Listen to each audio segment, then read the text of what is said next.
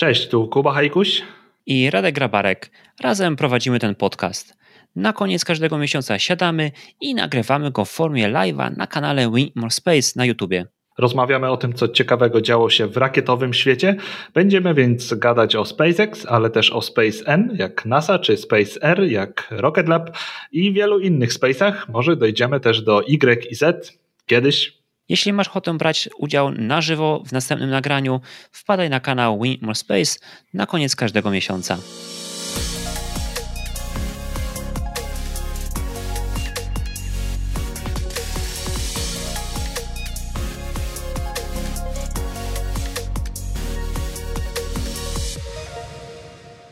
Cześć wszystkim. Witajcie na live pierwszym w 2021, na którym omówimy sobie, co było w tym wspaniałym roku 2020, e, za którym już zatęskniliśmy. E, ze mną jest dzisiaj e, Radek z We Need More Space. Będziemy się zmużdżać we dwóch, jak to było. I to jest taki podwójny live, tak to nazwijmy. Na kanale To Jakiś Kosmos pogadamy o tym, co było, a w przyszłym tygodniu u Radka pogadamy o tym, co będzie. No to co się działo w tym 2020? E, sytuacja była taka, każdy chyba pamięta, bo to było całkiem niedawno, ten 2020. E,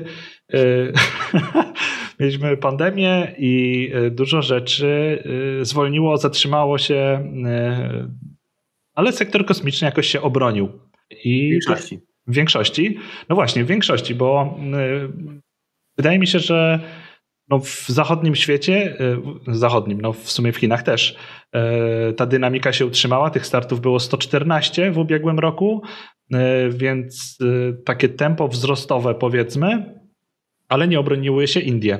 Tam się wszystko zatrzymało i dopiero pod koniec roku dwie rakiety ich poleciały.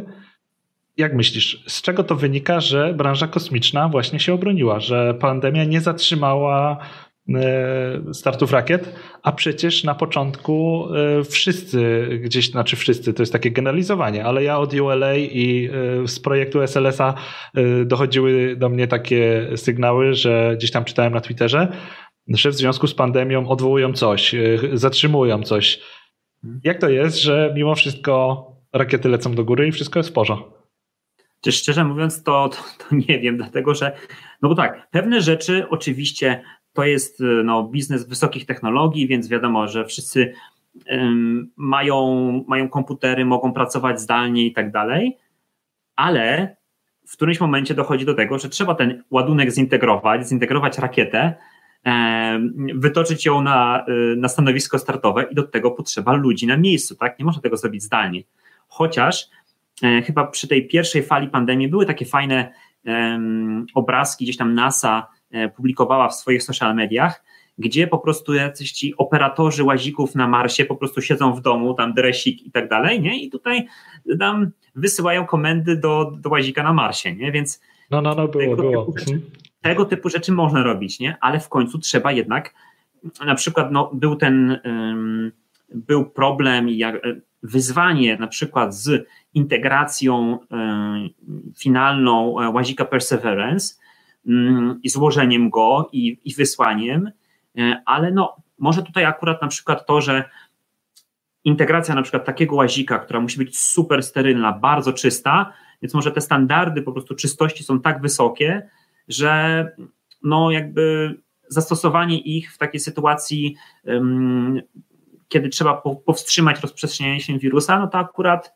to nie tylko nie przeszkodziło, a nawet no, pomogło, tak, po prostu. Wiesz co, takie, takie ja sobie to samo pomyślałem. E, znaczy, zadałem to pytanie, jakby od razu przygotowując sobie na nie, jakby ze swojej strony odpowiedź, ale e, jakby doszedłem do podobnego wniosku, jak teraz mówisz, że e, branża ta kosmiczna, rakietowa się nie zatrzymała, bo oni od wieków, od kiedy jakby rakiety powstały, oni żyją procedurami. Więc po prostu y, jak tylko się jakieś wytyczne odnośnie tego, jak postępować w pandemii pojawiły, to oni to po prostu wrzucili do tego swojego wielkiego bębna i dla nich to nie był żaden problem y, no parę rzeczy więcej przestrzegać. Y, to jest totalnie niczym nie poparte, to jest po prostu moja opinia i tak mi się wydaje. Mhm. No. Natomiast, natomiast na przykład ja, mnie osobiście bardzo, e, bardzo smuci, że mm, NASA stanęła na wysokości zadania i wysłała swojego łazika na Marsa. Chiny stanęły na wysokości zadania, też wysłały swojego łazika na Marsa, a Europa nie wysłała tak. w tym okienku. Mhm. Było blisko, chociaż tutaj nie wydaje mi się, że no, no wirus na pewno miał wpływ i, i, i tak to te, też tym tłumaczono. Natomiast największe problemy były po prostu z, e, ze spadochronami, e, których nie udało się e, zaprojektować albo przetestować takich, które będą dobrze działały. I nie chciano powtórzyć sytuacji chyba z 2016 roku, kiedy europejski lądownik z Chiaparelli po prostu rozbił się o Marsa, więc tutaj wolano, no, chcieli raczej dmuchać na zimne i nie wysłali w tym, w tym okienku, ale no to troszeczkę szkoda. A jak to jest z projektem tego europejskiego łazika, bo e, no to łazik powstaje w, w Europie. E, pewnie jakiś e, alin, jakaś alenia, tak? Thales alenia, czy, czy ktoś to buduje? Nie wiem. Akurat chyba, akurat chyba samego łazika to buduje um, Airbus, ale ten oddział brytyjski, jeśli A, się nie mylę. A, widzisz. Natomiast no to tu jest, logistyka też jest skomplikowana, bo wydaje mi się, że na przykład jak czytałem o tym, e, o testach tych spadochronów, no to na przykład testy spadochronów były gdzieś tam w Szwecji. Jest taki um, mały kosmodrom gdzieś tam przy kręgu polarnym, no to na przykład no to trzeba przetransportować to na przykład nie z mhm. Wielkiej Brytanii tam na północ Szwecji, coś tam. Gdyby miał być start, no to oczywiście start z e, Gujany francuskiej, no i to tak dodaje komplikacji. No ale e, jeżeli by to wszystko było upakowane w jednym roku, mielibyśmy cztery misje, e, to, to w lutym zrobiłoby się gęsto. E, a tak to mamy do kolejnego okna czasowego czas, żeby się ekscytować. Chociaż w sumie to też nie jest do końca prawda, bo na przykład Chińczycy, chociaż dotrą kilka dni wcześniej swoim zestawem na, na Marsa, to lądować będą dopiero w maju. Tak wczoraj wyczytałem. E, w maju? Chyba tak. Będzie, wejdzie na orbitę e, marsjańską. O rany. E, czy ja właśnie wciskam jakiegoś fejka? Nie wiem, znaczy ja, mi się wydawało, że właśnie oni wejdą, znaczy, że wylądują ciut wcześniej, kilka dni wcześniej, ale mm, znaczy, no, do Marsa docierają wcześniej. Tydzień, tydzień z groszami, ale, e, lądow, e, ale chyba wchodzą na orbitę, bo, bo Persji jak tam wpadnie, to od razu ląduje. Znaczy, bo tak, bo różnica między tymi dwiema misjami jest na pewno taka, że Perseverance jest po prostu tylko i wyłącznie łazikiem.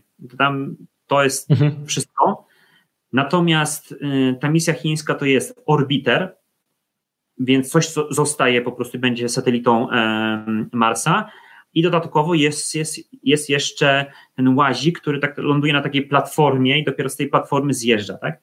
Więc w sumie tam naprawdę tak technicznie to są trzy rzeczy w, tym chińskiej, w tej chińskiej misji. Może na przykład przeczytałeś o tym orbiterze, a może jakiś wybrali taki profil misji, że rzeczywiście dolecą i nie wiem, będą zmieniać orbitę na jakąś bliższą, niższą, nie wiem. Ale to też mhm. z Chinami czasami jest ciężko po prostu z wiarygodnymi informacjami, co oni tam robią. No właśnie, tak jak y, była ta sonda, ten, ten, y, ta, mm, te próbki, które z Księżyca y, pod koniec roku pobrali, to była ekspresowa misja, znaczy ekspresowa, nie wiem jak te wcześniejsze, na przykład rosyjskie łuny mm, szybko pracowały, ale no tutaj przeciągu chyba dwóch tygodni wszystko się wydarzyło, jakby w jedną i w drugą stronę. Więc mieliśmy praktycznie na żywo to śledziliśmy, tylko że no minus był taki, że wiele zdarzeń, o wielu zdarzeniach dowiadywaliśmy się w trakcie, kiedy się działy, bo ktoś tam zrobił jakiś mhm. przeciek na Twitterze czy coś, e, więc no to był taki jedyny minus, że nie dało się w związku z tym nic zaplanować, żeby, nie wiem, u siebie jakiś live zrobić. Nawet, e, nawet start był taki, że z partyzanta się szukało gdzieś y, w necie tych, tych streamów, żeby, żeby zobaczyć, tak. jak ten długi marsz startuje. Y, ale, ale Kuba, hmm? ja, ja chciałbym Ci zwrócić uwagę, tutaj na, na, na czacie po prostu mm, nasi widzowie to tylko rozmawiają o Starshipie i, y, numer 9. I ja, teraz jest pytanie do Was, właśnie, którzy nas oglądacie. Czy was w ogóle coś interesuje poza, poza Starshipem SN9? Mhm. Czy interesuje was, co się działo w poprzednim roku? Bo może my to po prostu bez sensu gadamy. Bo, bo tutaj e, zanim odpaliliśmy live'a, to robiliśmy krótkie przygotowanie, o czym będziemy gadać i e, no, doszliśmy też do takiego wniosku, że zaraz zejdziemy na SpaceXa i y, po prostu utkniemy tam y, i ten live będzie kręcił się tylko wokół Starshipa, więc y, no nie wiem ile już ten live trwa, ale broniliśmy się dzielnie, żeby nie, nie przejść od razu do SpaceXa. 30 minut? Nie, pewnie mniej.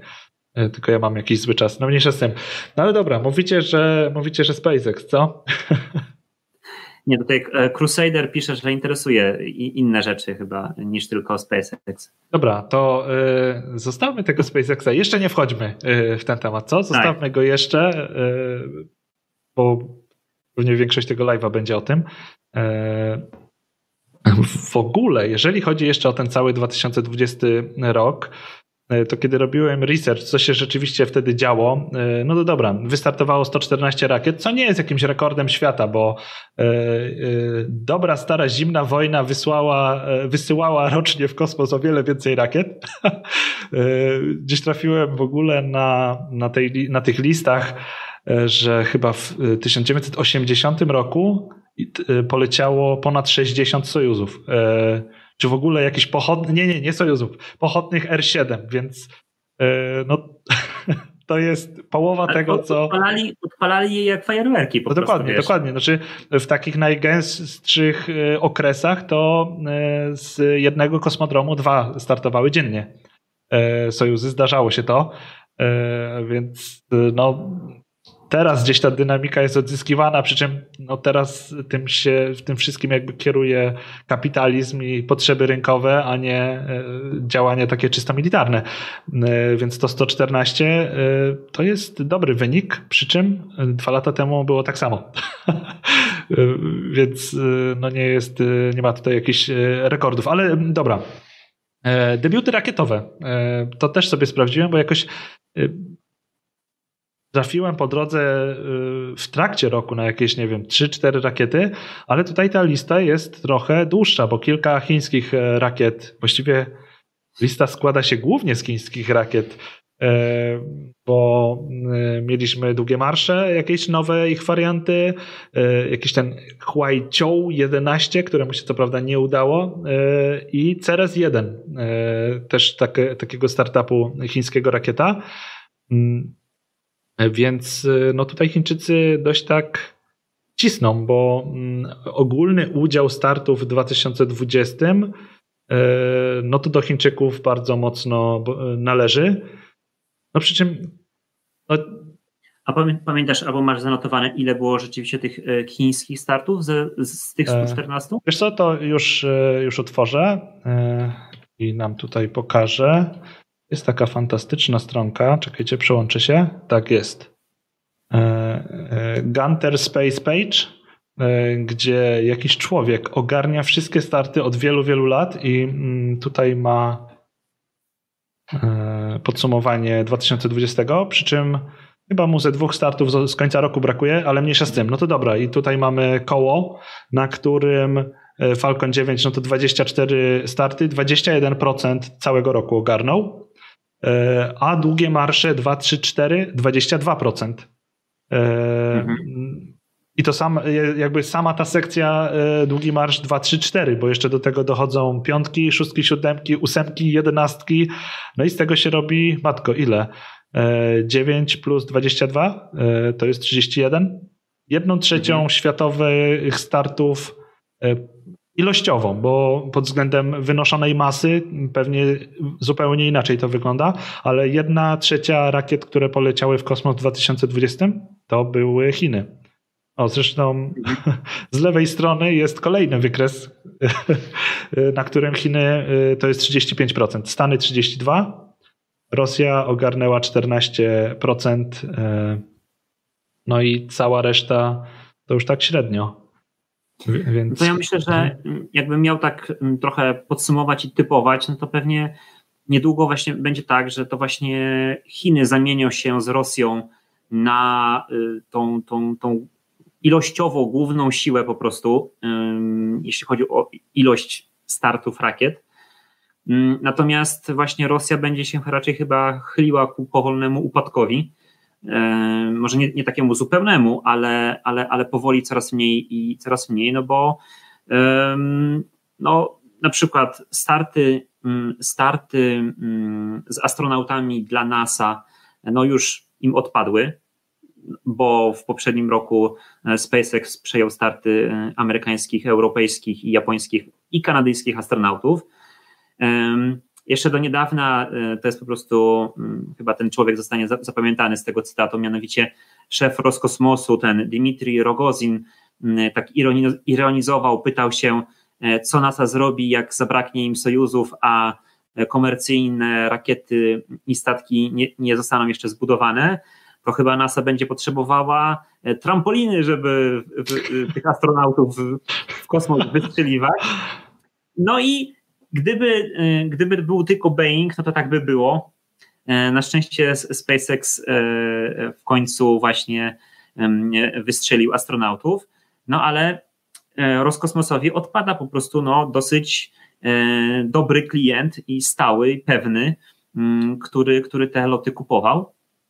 E, słyszałem gdzieś też jakąś taką e, informację, ale nie jestem taki na 100% pewien, że e, sojuzy, które startowały z Gujany Francuskiej, mm, to chyba nie będą startować, albo jeszcze zostało naprawdę im tylko kilka startów.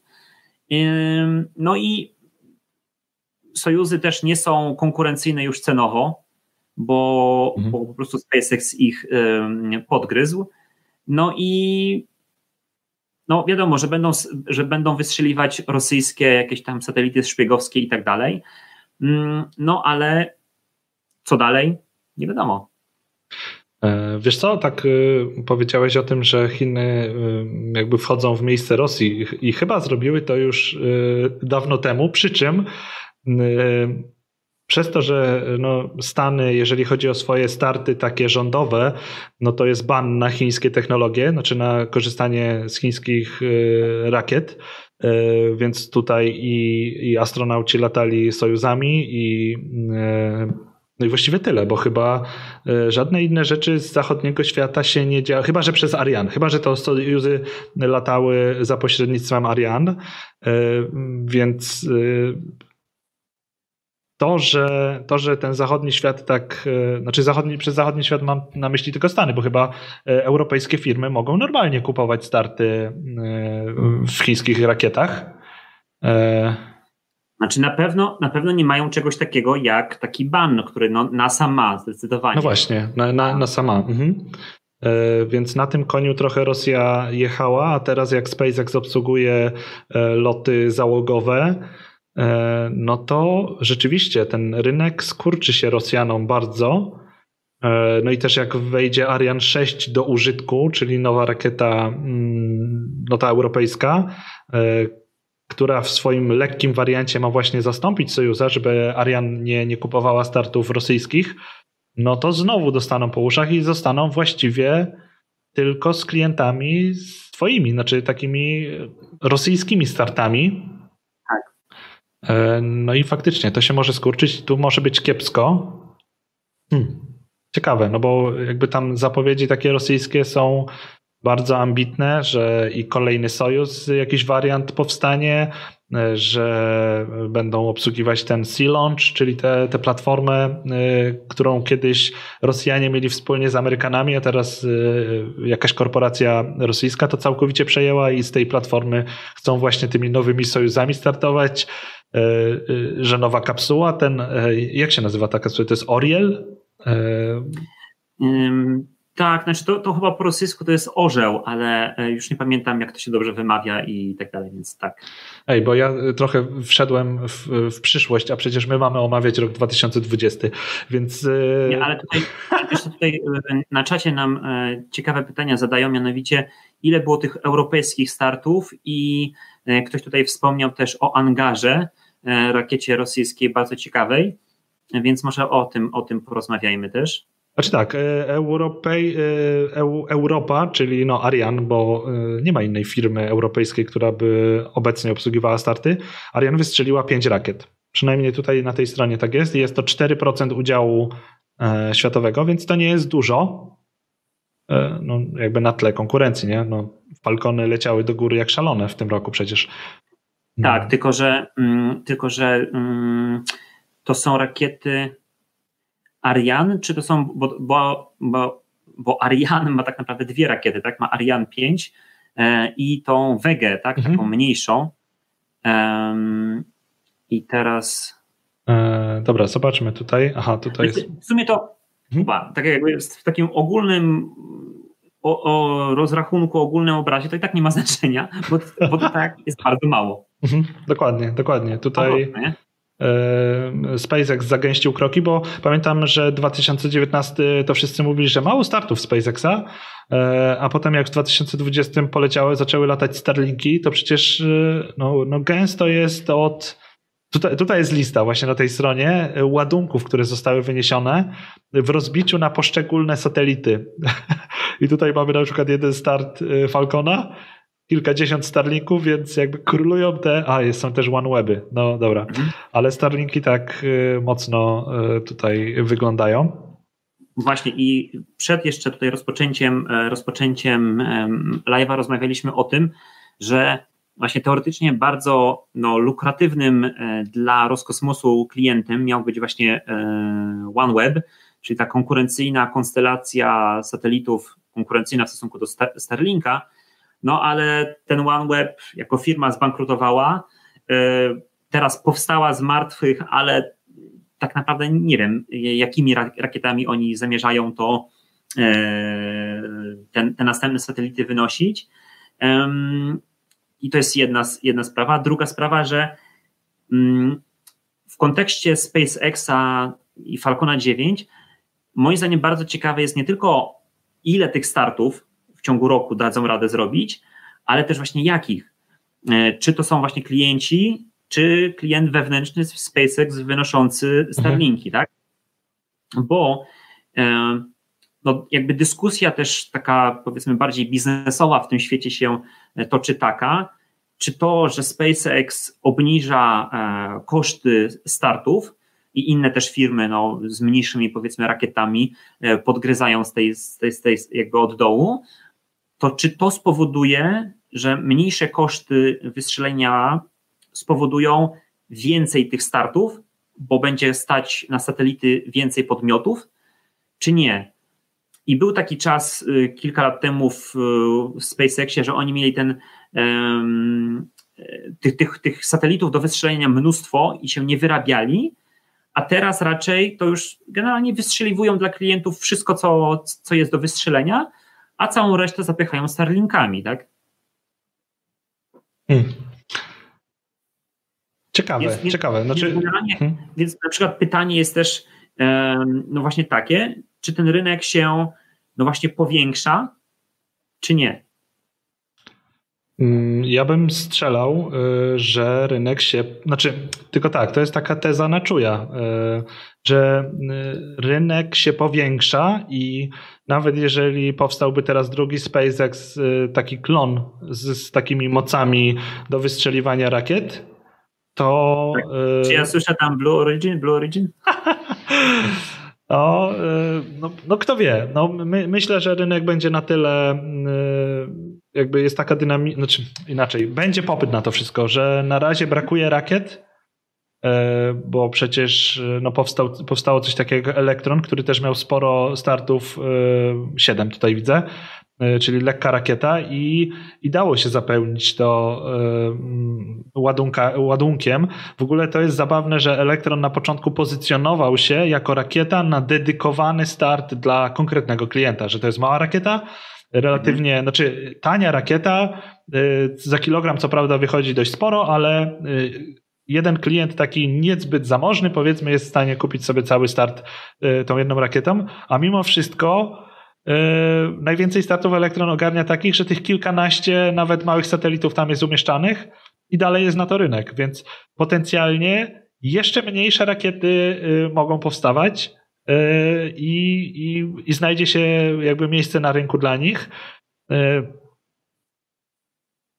Znaczy tak, ogólnie. Tak, ale, mhm. tylko, tylko wiesz, Kuba, ja uważam, że jednak to, to troszeczkę e, troszeczkę nie do końca można to porównywać, tak wiesz, e, takiego wielkiego Falcona, e, gigantycznego w stosunku do mhm. Elektrona, bo, bo, bo Falcon takich małych ładuneczków to on by tam po prostu kilkadziesiąt zabrał, tak? I powstający New Glenn od Blue Origin no to przecież on jeszcze będzie, będzie miał jeszcze większą tą ładowność mhm, swoją. Mhm. Więc czy takich dużych satelitów, e, czy okej, okay, albo nie wiem, większą ilość mniejszych, tak jak Starlinki, tak, po 60 tam, tam, tam wchodzi, tak? Hmm, czy, czy po prostu rynek no, no będzie rósł, czy nie będzie? E, I tak już tylko dla, dla porządków chciałbym przypomnieć właśnie, że z tych, e, tu mamy zanotowane 26 tak, startów Mm, Falcona 9, to 14 było z Starlinkami, mhm, nie? więc mhm. gdyby nie Starlink, to on nie latałby tak często. No dokładnie, dokładnie.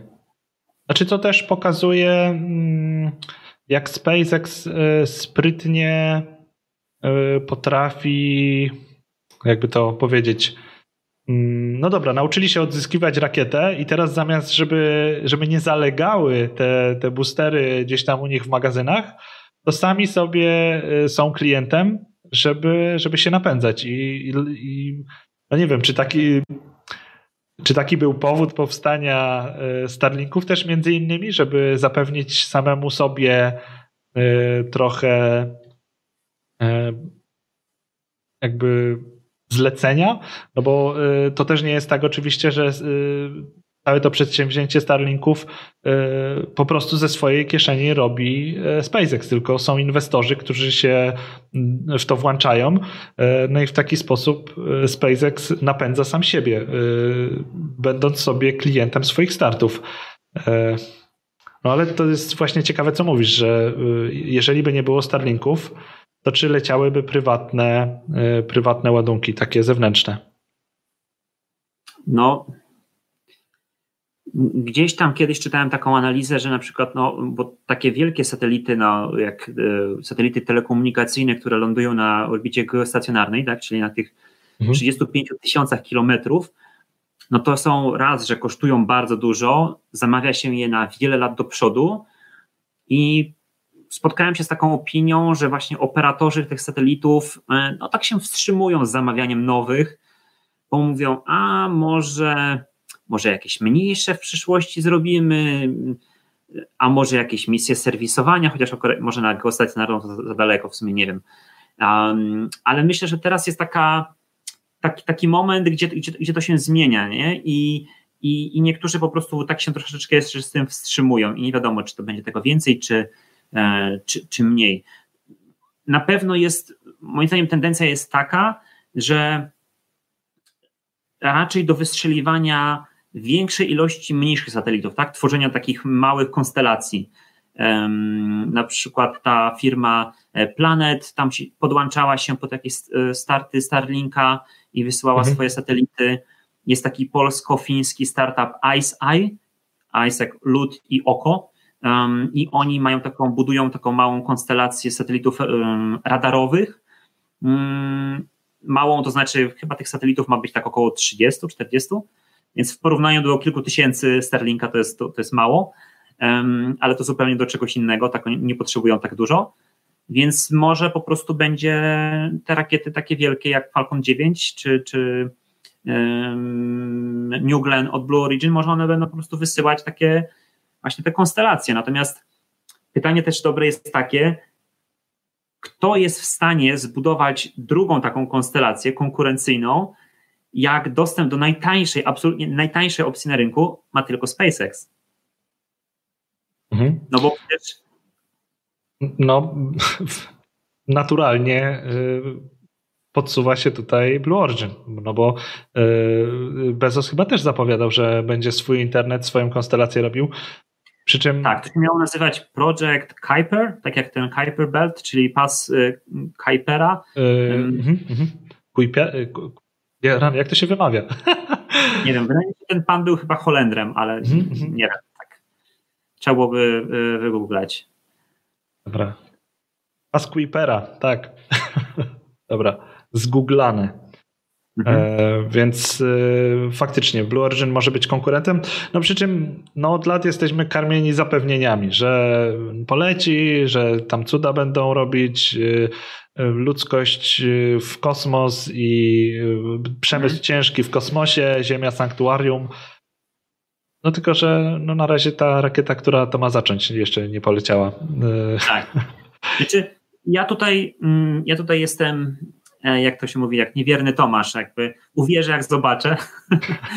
to, jest, to, jest, to jest jedna rzecz, ale druga, gdzieś natknąłem się na takie informacje, że na przykład, bo właśnie dlatego też tak jakby wypominam tego, tego to, wypominam to, że Elektron jest zupełnie inną rakietą niż Falcon, e, dlatego że po prostu ze względu na skalę, na wielkość i tak samo e, w Blue Origin w tej chwili chyba pracuje około 2000 osób, a w SpaceXie 6000, nie? Więc 6000 osób może zrobić mhm. o wiele więcej niż, e, niż 2000, natomiast z drugiej strony ze względu na, na majątek Bezosa, no to e, ci w, w Blue Origin raczej mają hulaj dusza. No dokładnie, dokładnie. Siano jest e, tam wszędzie. Dokładnie. Są płynni finansowo. Yy, znaczy tak, jeszcze, jeszcze tak wracając do Elektrona, że, yy, bo mówisz, że to nie, yy, jakby jest zupełnie insza większość niż SpaceX.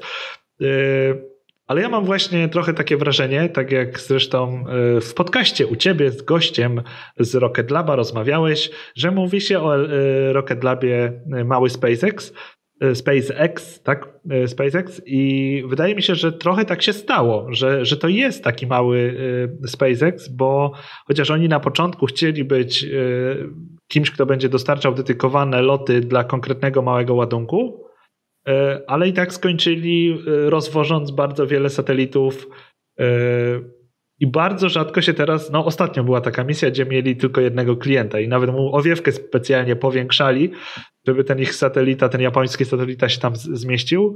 E, Kuba, Kuba, ja ci tutaj się wtrącę tak, i, tak? i, taką małą dygresję tylko zrobię, bo widzę, że na czacie e, tutaj kilka osób wspomniało o tym, że dzisiaj taka chyba buchnęła informacja o tym, że akurat majątek Maska jest wyceniany teraz na więcej niż Bezosa? E, I w ogóle, że jest najbogatszym, najbogatszym człowiekiem na Ziemi. Nie?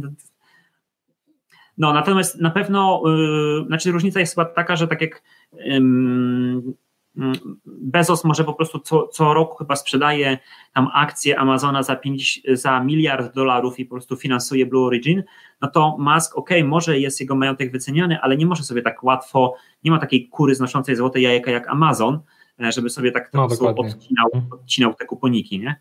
Mm, natomiast wracając do, do Elektrona, to ja myślę, że oni są, zgadzam się zdecydowanie, to jest mały SpaceX i oni są bardzo sprytni e, i w tym podcaście moim wywiadzie z, z Marcinem Stolarskim z Rocket Lab była mowa o czymś takim, że no oni nagle po prostu jakby zaczęli być takim prawie, że no operatorem satelitarnym, czyli firmą, która też buduje satelitę. No, okay, nie całego, ale buduje tą, tą, tą, tą, tą cząstkę, ten, ten moduł zasilający, i więc jeśli ty chcesz. No, no właśnie, to, to, jest, to jest bardzo fajne. To jest bardzo ciekawe, e, że. Właśnie, że oni stali się operatorem e, satelitarnym, ale na takiej zasadzie, że jakby ich e, oferują wieloletnią przejażdżkę jakiejś aparatury na ich satelicie. No bo mają fotona, umieszczają go na orbicie takiej, jak klient potrzebuje i oni chyba obsługują to przez cały ten okres życia tego fotona, a na tym mhm. będzie zainstalowana aparatura klienta, która ma już co robić, no to coś, co ma w kosmosie to urządzenie robić, a nie martwić się o to, jak tam zmieniać orbity i inne takie cuda. E, tak, e, tak. Więc no to faktycznie, to jest takie zupełnie coś nowego. No i y, to poleciało. Tak. I, mhm. I, to, I to naprawdę, to jest coś na tyle innowacyjnego, że to rzeczywiście może otworzyć drogę do większej liczby satelitów i klientów dla nich, tak? Bo nie wiem, no powiedzmy, że masz ten budżet, nie wiem, powiedzmy ten, nie wiem, 10 milionów dolarów, jakaś tam nie, organizacja badawcza, rząd małego kraju i tak dalej. I i nie stać cię na, na wielkiego satelitę, nie stać cię na e, Falcona 9, żeby to wyniósł, nie stać cię na później e, utrzymywanie tego, no bo to jeszcze trzeba mieć właśnie stację, która mhm. będzie się komunikowała, tak dalej, zbierała i tak dalej, no i ludzie, no wiadomo, koszty, koszty, koszty, to przez to, że oni robią ci taką właśnie satellite as a service, taką, mhm. taką, taką usługę, to ty się skupiasz tylko na tej, tym czymś, co, co, co chcesz tam robić na tej orbicie, nie wiem, mieć jakiś radar, teleskop, czujniki, coś tam i tylko się tym zajmujesz, nie? A oni, ok, musisz zapłacić oczywiście. no wiadomo, no racja. Tak, mhm. ale nie musisz y, mieć tej ekspertyzy w rzeczach, których się nie znasz na przykład, tak? No dokładnie. Nie, to jest naprawdę y, jakby no, taka innowacja y, w, w, tym, jak można podchodzić do umieszczania ładunków na orbicie, bo tak, faktycznie ale z punktu widzenia klienta. Taka, mhm. Ale to jest taka innowacja, no, ja bym powiedział, że to mało sekcji, nie? Bo tak wiesz, a, satelity, panie, to to. Ale nie, no Natomiast... ale to pokazuje taki spryt, bo jakby Tutaj nie powstało z punktu widzenia technologii kosmicznej nic y, zawrotnie nowego, tylko sposób, y, jak, y, jak poukładać te procesy klientem. Jakby dużo, dużo rzeczy zostało przerzuconych na tego operatora rakietowego, więc klient, sorry za określenie, może być totalnym nubem, bo on chce tylko swoją aparaturę wysłać i nie musi się martwić o całą resztę. Więc Rocket Lab tutaj jakby zbudował kolejną niszę i otworzył rynek ten kosmiczny, satelitarny na takich no, nowych, nowych klientów. Tak, ale jeszcze ciekawostka też jest taka z, yy, z poprzedniego roku, że mm, SpaceX wygrał kontrakt, teraz nie pamiętam, jakaś ta agencja rządowa amerykańska i na, na kontrakt dla tej agencji i będzie robił chyba trzy satelity właśnie dla nich. SpaceX, SpaceX. nie rakiet. Faktycznie czytałem, yy, bo mają tą spółkę, jakąś córkę, która im buduje yy, te Starlinki, tak? I to tam będzie budowane. Znaczy no spółkę, no to, to jest część. To jest część SpaceXa. O. Tak, jakaś, oni są zlokalizowani w Seattle, tak? W tym stanie Waszyngton, więc. No to Peter Beck y, z Rocket Laba może teraz y, otwarcie mówić, że on takie coś rozkminił pierwszy. Chociaż czekaj, nie, tak czy nie, bo przecież E, co było pierwsze, prace przy Starlinkach czy Foton? Nie no, prace przy Starlinkach, wiesz, no musiały być to już mhm. zakrojone na szeroką skalę tam kilka lat temu, nie? Jakby to kilka lat temu były tam ogłoszenia o pracę, dowiedziano chyba się o tym właśnie, że otwierają tą, tą, ten, to biuro w, w Seattle, jak zobaczono gdzieś tam ogłoszenia rekrutacyjne, tak? Więc to już było Aha. kilka lat temu.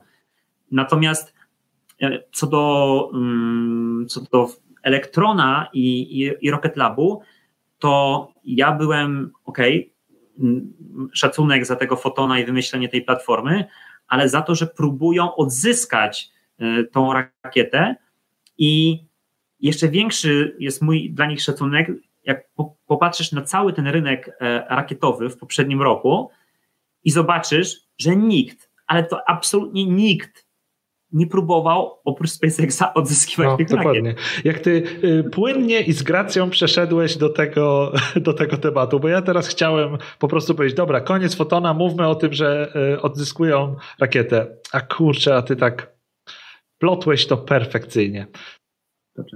No, tak to jest, jak się ma y, lata w mediach za sobą, to doświadczenie zostaje, nie? idźmy, idźmy w kierunku Rocket Labu. Dobra. E, no to tak. E, gdzieś na przełomie 2019-2020 mieli to pierwsze podejście e, do tego, żeby im ten pierwszy stopień po wykonaniu misji wpadł we w miarę kontrolowany sposób. Były tam jakieś lekkie te upgrade'y, żeby ten booster no, nie rozpadł się po, przy ponownym wchodzeniu w atmosferę, ale grubo się zrobiło, e, kiedy oni wysłali e, tą misję, gdzie faktycznie odzyskali pierwszy stopień. Październik to był? E, wrzesień, październik? Chyba jakoś tak. Więc no tutaj pokazali naprawdę klasę. Mm. No, pokazali też klasę, no bo łatwiej jest jakby pod względem technicznym, znaczy no, Falcon 9 jest większą rakietą, ale przez to ma więcej tego marginesu, może więcej mhm. paliwa z, mhm. zabrać i później może sobie to wytracić tą prędkość i tak dalej. Natomiast malutki elektronik, no tutaj trzeba kombinować. No i to tak było też tak, tak no oni nie wiedzieli tego, czy, czy uda im się w ogóle właśnie, to sprowadzić. Właśnie, bo to były, to były takie eksperymenty, żeby sprawdzić na ile, bo, bo oni nie hamują, nie, nie mają możliwości już ponownie odpalić silników, tak jak robi to SpaceX, e, tylko oni po prostu go wprowadzają, e, trochę go kontrolują silnikami RCS, tymi pozycjonującymi i po prostu wchodzą ponownie w atmosferę. E, no i na tyle ten upgrade był wystarczający, że wszedł w miarę, znaczy w miarę, no udało się. No, wszedł w atmosferę, mhm. rozłożył spadochron, e, wpadł do, do oceanu i, i go wyłowili. E, no i z informacji od Petera Becka e, na Twitterze no, dowiedzieliśmy się, że jest w takim stanie, że część tych rzeczy, tych bebechów odzyskają i polecą jeszcze raz. Na pewno do tego bardzo się przyczyniło to, że na wakacjach mieliśmy upgrade Elektrona, e, bo e, misja numer 13 zakończyła się niepowodzeniem, bo na drugim stopniu no, się popsuło i przestał działać, utracono ładunek i bardzo szybko wrócili znowu do latania misją 14, gdzie pokazali upgrade'owaną rakietę. I to było też ciekawe. Podniósł się udźwig elektrona, bardzo dużo się podniósł, bo wcześniej na niską orbitę miał mieć miał 225 kg i zrobili 300 kg. A najlepsze jest to, że nie przeprojektowali rakiety, tylko skorzystali z bardziej wydajnych baterii. Y, zastosowali jakby no nie swoją technologię przez siebie opracowaną, tylko wzięli z rynku lepsze baterie, wsadzili do rakiety. Y, dzięki temu no pompy, nie wiem, czy dłużej, czy y, efektywniej pracowały. No i w taki ale sposób. Wiesz, wiesz, na czym polegały te, te, te, nowe baterie? Czy oni po prostu kupili nowe Tesle i po prostu zaczęli tam? E, nie wiem, nie, nie wiem i oni się też pewnie nie pochwalą. Znaczy, jakieś takie ogólniki w mediach e, znajdziesz, nie? Ale hmm. konkretów się nie dowiesz, e, no bo to jest jakiś tam know-how. Będą to tak, ukrywać, tak. żeby mieć tę przewagę konkurencyjną. Zresztą. Hmm jak wrócił ten booster z kosmosu i rozłożył spadochron, wpadł do oceanu, to jak go wyłowili, to nie pokazywali zdjęć, znaczy pokazywali tylko takie zdjęcia, żeby nie było widać przedziału napędowego. E, I e, Beck chyba w jakimś tweetie powiedział, że nie pokazują, bo tam się troszkę mm, no, niektóre rzeczy, nie wiem, poszycie uszkodziło czy coś i widać środek i nie chcą pokazywać nic, co jakby nie chcą pokazywać tych baterii, żeby nic mhm. takiego nie wypłynęło do mediów, E, no bo prawne oko specjalisty dużo rzeczy by z tego wywnioskowało. E, mhm, mhm. E, więc tak, no i wiesz, wakacyjny upgrade, podnieśli udźwig i w związku z tym pewnie, znaczy ciekawe, czy to jakoś wpłynęło na, na to, że tak szybko zrobili tę próbę z tym, z tym powrotem. No bo tak na dobrą sprawę e, sposób w jaki odzyskiwali ten booster to też było coś e, uproszczonego względem tego, co zapowiadali na początku, bo na początku miało być tak, że miały być dwa spadochrony jakieś, jakiś taki pierwszy, który był balonem chyba, e, potem kolejny się otwierał, a finalny test był taki, że po prostu jeden spadochron pędz wpadło do, do oceanu i jest ok. No nie wiem, ale dużo, dużo dobrych rzeczy nam pokazał, fajnych e, Rocket Lab e, w ostatnim czasie, w ostatnim roku. E, no nie mówiąc już o tym, że przecież pod koniec roku też tego ogromnego fotona, takiego międzyplanetarnego pokazali. Bo Beck miał zawsze ochotę zrobić misję na Wenus, a potem mu Wenus zrobiła prezent w postaci nie pamiętam, jak się ten związek e, nazywał, co w górnych warstwach, warstwach atmosfery. Fosfiny, czy tam co, co, e, Coś takiego, przy czym potem słyszałem gdzieś głosy, że to jest złe określenie, ale się nie znam. E, bo to, są, to był chyba fosforowodór, czy A, jakiś taki tak, gaz właśnie. To, to tak. ma, ma taką bardziej polską nazwę, tak. Mhm. Mhm. No i Wenus e, stała, się, e, no, stała się e, takim bardzo miejscem pożądanym, więc dla Rocket Labu to tylko kolejny pretekst, żeby robić swoje rzeczy. Także tak. też w, międzyczasie, mhm, tak? Znaczy ja tylko chciałem taki dodać, dodać taki komentarz, jakby a propos, a propos Rocket Labu, że e, to jest taka właśnie firma zdecydowanie naprawdę jak, e, jak SpaceX, jak mały SpaceX i jak przeprowadzałem wywiad właśnie z Marcinem, to też miałem trochę farta, bo no tam mają taką twardą politykę PR-ową, że właściwie tylko i wyłącznie Peter Beck może się wypowiadać na tematy firmy. I, i Marcin mi powiedział, że no, ja chciałem tam mnóstwo jeszcze mu pytań innych, bardziej takich y, głębszych, pogłębiających jakieś tematy, ale wyszło na to, że właściwie no, jeśli chodzi o rzeczy, które jakby rozmawialiśmy o Rocket Labie, to właściwie tylko i wyłącznie o takich rzeczach, które można przeczytać, przeczytać na Wikipedii, mhm. żeby się tam do czegoś nie mm, dochrzanili. E, ale i tak mi później Marcin powiedział, że chyba miałem farta i tam ten dział PR-u był po prostu, akurat miał większe inne rzeczy do robienia i to mhm. machnęli, puścili, bo, bo po prostu inne e, i, i, ktoś tam później robił jakieś inne materiały i już nie było tak łatwo i musieli tam jakieś coś wycinać i tak dalej, tak dalej. Ale słuchaj, e, to nie ma, nie ma żartów, bo Rocket Lab przyciera szlak a teraz tych startupów takich e, z lekkimi rakietami zrobiło się 100 milionów. E, przecież e, Launcher One próbują ci z Virgin Orbit, nie, jak, jak oni się nazywają? Virgin Orbit. Virgin Orbit. Tak, próbują wystrzelić rakiety. Znaczy w maju mieli próbę, ale się nie udała. No i jakoś teraz w styczniu będzie kolejna, ale inny startup, Astra, E, też fajna rzecz, bo ta ich rakietka to już naprawdę jest takie maleństwo w porównaniu nawet do e, Elektrona. E, znaczy, ma maleństwo to jest jedna sprawa, ale że oni mają po prostu tak mało pracowników, którzy zajmują się wystrzeleniem tego, że to jest po prostu ile ta ekipa startowa to jest 5-6 osób tylko? Bo takie było chyba założenie też na początku, znaczy no mega uznanie. To nie jest tak, że, y, że to jest prosta rzecz, tylko y, oni zaczynali od tego, że w tym konkursie DARPA startowali, że trzeba wystrzelić y, w krótkim okresie czasu mhm. mobilną bardzo rakietę z dwóch różnych miejsc, Potem ten konkurs się skończył i się tam byli jedyną firmą, która się zakwalifikowała i doszła e, do finału, ale w końcu jakby zostało to bez, bez zwycięzcy, ale mimo wszystko e, trzeci start, który zrobili w grudniu, to był grudzień chyba, nieważne, e, praktycznie weszli na orbitę.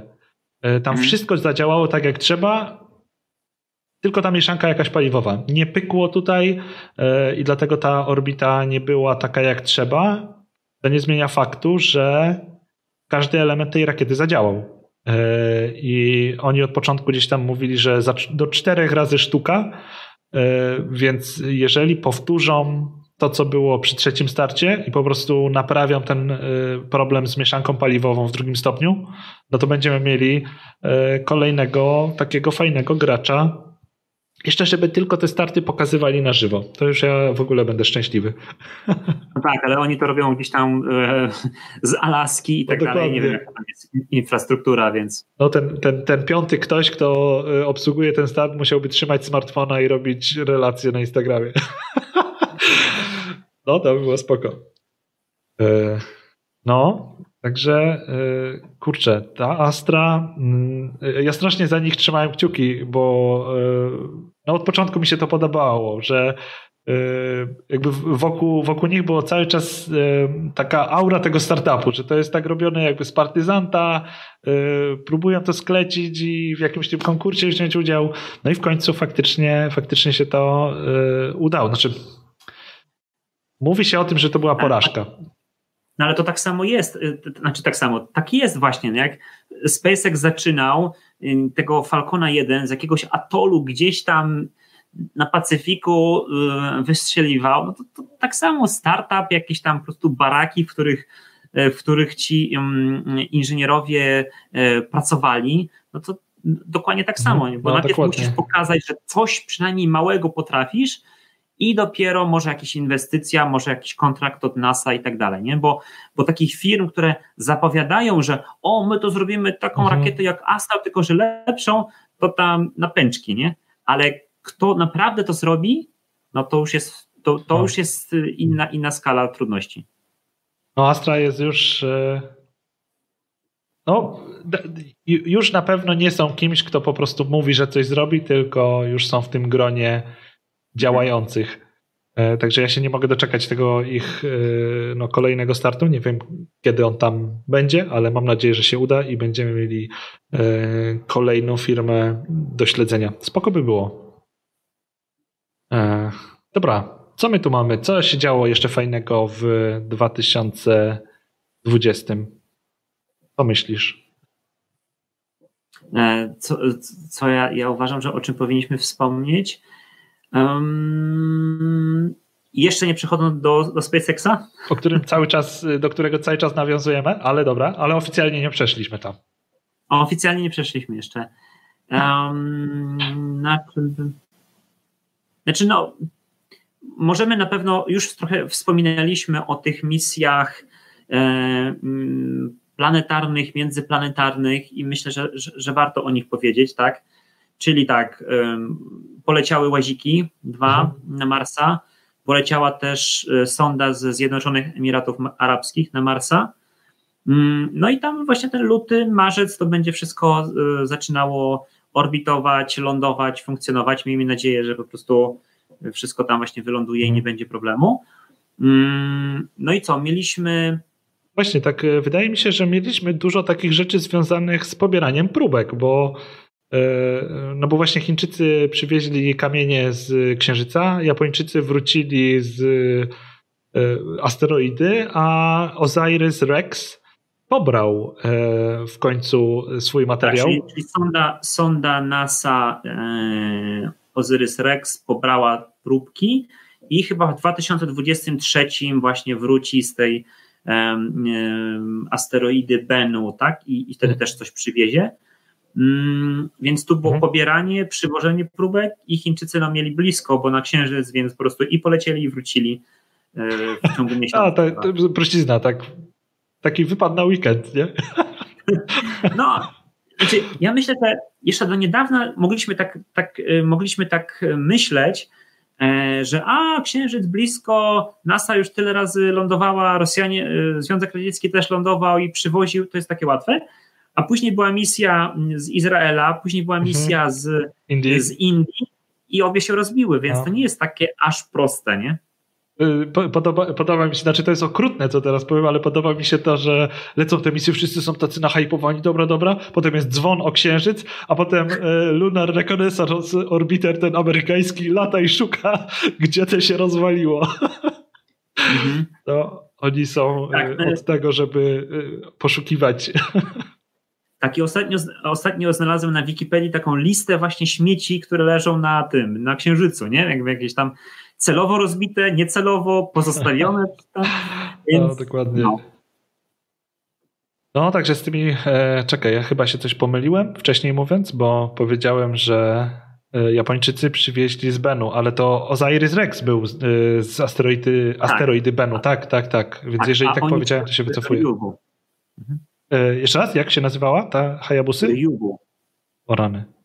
I Japończycy przywieźli z, z asteroidy Ryugu. Aha, i jeszcze, A, racja. ja jeszcze chciałem o jednej rzeczy e, wspomnieć. E, ta misja e, japońska mm, Hayabusa 2 była też bardzo ciekawa pod tym względem, że tam poleciała sonda, tak, ta japońska, ale też poleciały takie łaziki, no łaziki w cudzysłowie, bo to, to nie zawsze ma znaczy to, to nawet nie miało jakichś tam kółek, y, i, i, które by tam gdzieś tam jeździły. To są takie pojazdy, nawet trudno to właśnie na, nazwać. I wspominam o tym dlatego, że jak tylko jest mowa mm, o jakichś tam właśnie zasobach y, w kosmosie i tak dalej, to oczywiście tutaj dzwon, bije taki dzwon górnictwo kosmiczne i i mm, w poprzednim roku też kilka razy był taki, taki temat podnoszony tutaj w Polsce. Dlaczego KGHM nie zacznie tutaj po prostu działać razem z AGH i Polską Agencją Kosmiczną i nie zaczną po prostu eksplorować e, zasoby kosmiczne, tak? I myślę, że no to jest długi temat. To można by pewnie serię live'ów na ten temat zrobić i tak dalej, ale e, czego sobie osoby mówiące o tym nie zdają sobie sprawy, że to po prostu wymaga na samym początku no tak, to, co chyba się w górnictwie nazywa prospecting, nie? że po prostu to trzeba polecieć, zobaczyć, zbadać, e, jakie to jest, jak można byłoby to wydobyć. No, trzeba takiego dużo wydać pieniędzy na research. I jeśli Polskę na przykład nie stać na to, żeby zbudować taką sondę jak Hayabusa 2 i jeszcze kupić jakąś rakietę, która by to wyniosła, to na przykład mm, właśnie na e, sondzie Hayabusa był łazik, łazik niemiecki, e, stworzony przez niemiecką agencję kosmiczną, Maskot, który był takim prostopadłościanem, który w środku miał taką, taką korbę, takie, takie coś, coś tak machało się, machało się i zmieniało jakby środek ciężkości i ten łazik przez to, że tam no, grawitacja na, mm, mhm. na asteroidzie jest bardzo niska, to on tak się po prostu przewracał. Więc e, gdyby Polska albo jakiś, no w sumie podmiot międzynarodowy, no tak jak mamy na przykład ten startup e, polsko-fiński e, ISAI, no to najpierw chyba taką najlepszą drogą jest właśnie zrobienie takiego jakiegoś elementu dużego, dużego, mniejszego do jakiejś sondy kosmicznej, która na przykład leci na jakąś asteroidę i tam jakieś właśnie dane, zdobyć też po prostu doświadczenie w konstruowaniu czegoś takiego, a dopiero później mówić o tym, że my tutaj po prostu polskie koncerny po prostu energetyczne będą po prostu w kosmos lecieć i, um, eksplorować. Tak? Czy ty bardzo płynnie przechodzisz teraz do polskiej astroniki? Która skończyła e, w 2020 robić e, te, e, to były sondy, takie cztery urządzenia do misji Jowiszowej? Nie taki nie? był mój zamiar. Bo nie, ja tutaj, to jest po prostu taka jakby troszeczkę dygresja, ale myślę, że po prostu jakby pomówimy o tym, a Japończycy przywieźli próbki. Tak, no, przywieźli je, właśnie wylądowały te próbki w Australii na pięknym e, poligonie wojskowym, który wyglądał jak Mars, ale e, no po prostu to nie była tylko i wyłącznie jakby mm, wszystko ich misja, bo mhm. tam też jeszcze były takie części składowe. Natomiast e, no, Astronika to robiła te instrumenty do tej sondy mm, JUICE, czyli Jupiter Icy Moons Explorer, Europejskiej Agencji Kosmicznej, no, który chyba Start jest planowany na 2022 i w okolicach 2030 haha, e, doleci do Jowisza i będzie dopiero badać. Dobra, jeszcze tylko szybko przerwę i podziękuję Nikodemowi Bilnikowi, bo tutaj e, w trakcie e, wsparł kanał. Dziękuję Ci bardzo, a nie chciałem Radkowi przerywać, gdy tak pięknie opowiadał. Także tak. Powiedz mi jeszcze e, właśnie, jak tak jesteśmy przy takich elementach e, różnych programów, mm, e, czy w, ten, 2020 to był ten rok, gdzie nasz kred, znaczy nasz kred, nasz kred w niemieckim instrumencie. Tak, w niemieckim instrumencie on w 2020 miał te wszystkie swoje perypetie, czy to jeszcze wcześniej było? Ja mam jakieś. Znaczy, wiesz co? Y, i tak, i nie, bo on wydaje mi się, że wylądował pod, w grudniu 2018 roku, jeśli mnie pamięć nie myli, i po prostu przez dwa ostatnie lata są te perypetie. Aha, aha. No bo y, w końcu było tak, że go tam wepchnęli i zaczął robić yy, chyba swoje, tak? I... Znaczy, wydaje mi się, że o, na czym moja wiedza ostatnio się zatrzymała, to jest to, że ta taka łopatka y, robotyczna po prostu go, bo na początku to o, mam długopis. Na początku to ta łopatka go tak z boku przy, mhm. przyciskała i myślała, że, bo myśleli, że, e, że wtedy jak będzie tutaj z boku, to będzie miał wystarczająco dużo tarcia, żeby wejść. To się nie udało. Mm, e, I w końcu oni tutaj jakby od czubka tego, e, od góry tego mm, kreta zaczęli go popychać i wtedy to wszedł Aha, bo tam, środek. Bo tam były te obawy, że jak go tam przycisną, to te przewody e, uszkodzą i, i dlatego było tyle czajenia się, żeby e, od góry go nie naciskać. Znaczy to w ogóle to jest no, taka prawdziwa e, misja kosmiczna, robotyczna na, na Marsie z tym opóźnieniem i tak dalej, no to jest to, to się nie dzieje tak szybko jak dwugodzinny film Marsjanin czy coś takiego, nie? Po prostu tam mają, mają modele, modele po prostu w Niemczech tego instrumentu całego HP3 um, i, i tam próbują na, na, na modelach tego y, regolitu y, marsjańskiego w odpowiedniej tam pewnie temperaturze, ciśnieniu i tak dalej, i tak dalej. I to po prostu powoli, powoli trwa właśnie do tego, żeby no nie chcą uszkodzić tych, tych, y, tego kabla, nie w ogóle cały, mhm. całego instrumentu. Więc to po prostu chyba po prostu bardzo no, powoli szło. Ale coś się chyba dzieje dobrego. Widzę tutaj na czacie, że jest ciśnienie na polskie rakiety. Yy, yy, I dobra, yy, bo przypomniało mi się, że przecież Space Forest ostro ćwiczył swoją nową rakietę Peruna, tak? Peruna teraz, przy Perunie teraz działają w 2020. Tak. Przy czym nie chodzi mi tutaj o, o loty, które chyba były też, ale wiem, że wrzucali na Face'a testy silników. Może gdzieś tutaj wygooglam i znajdę. Pytanie, czy ktoś z naszych widzów w tym momencie e, wie o jakichś planach, jak Space Forest ma, e, jakie na najbliższe czasy? E, ja nie wiem jeszcze, ale planuję, znaczy mogę tutaj, znaczy to jest na razie plan, że chciałbym, chciałbym w tym kwartale zrobić taką, taką konferencję online właśnie o polskich rakietach. E, twórcy tych rakiet jeszcze o tym nie wiedzą, więc trzymajcie, trzymajcie kciuki i nie zapeszajcie, bo, bo chciałbym coś takiego właśnie zrobić, bo czasami tak mam wrażenie, że właśnie przez to, że na przykład Elon tweetuje, mm, tam trochę napił się whisky i od razu przy Twitterze siada i, i różne rzeczy paple, i, a w ogóle streamerzy siedzą za płotem po prostu w Boca Chica, e, to wszystko wiemy i, i więcej wiemy i, i łatwiej jest nam dowiedzieć się o tym, co się właśnie dzieje w tym Boca Chica, niż co się dowiedzieć, co, e, dowiedzieć się, co się dzieje właśnie w Gdyni czy w Warszawie, tak? Mhm.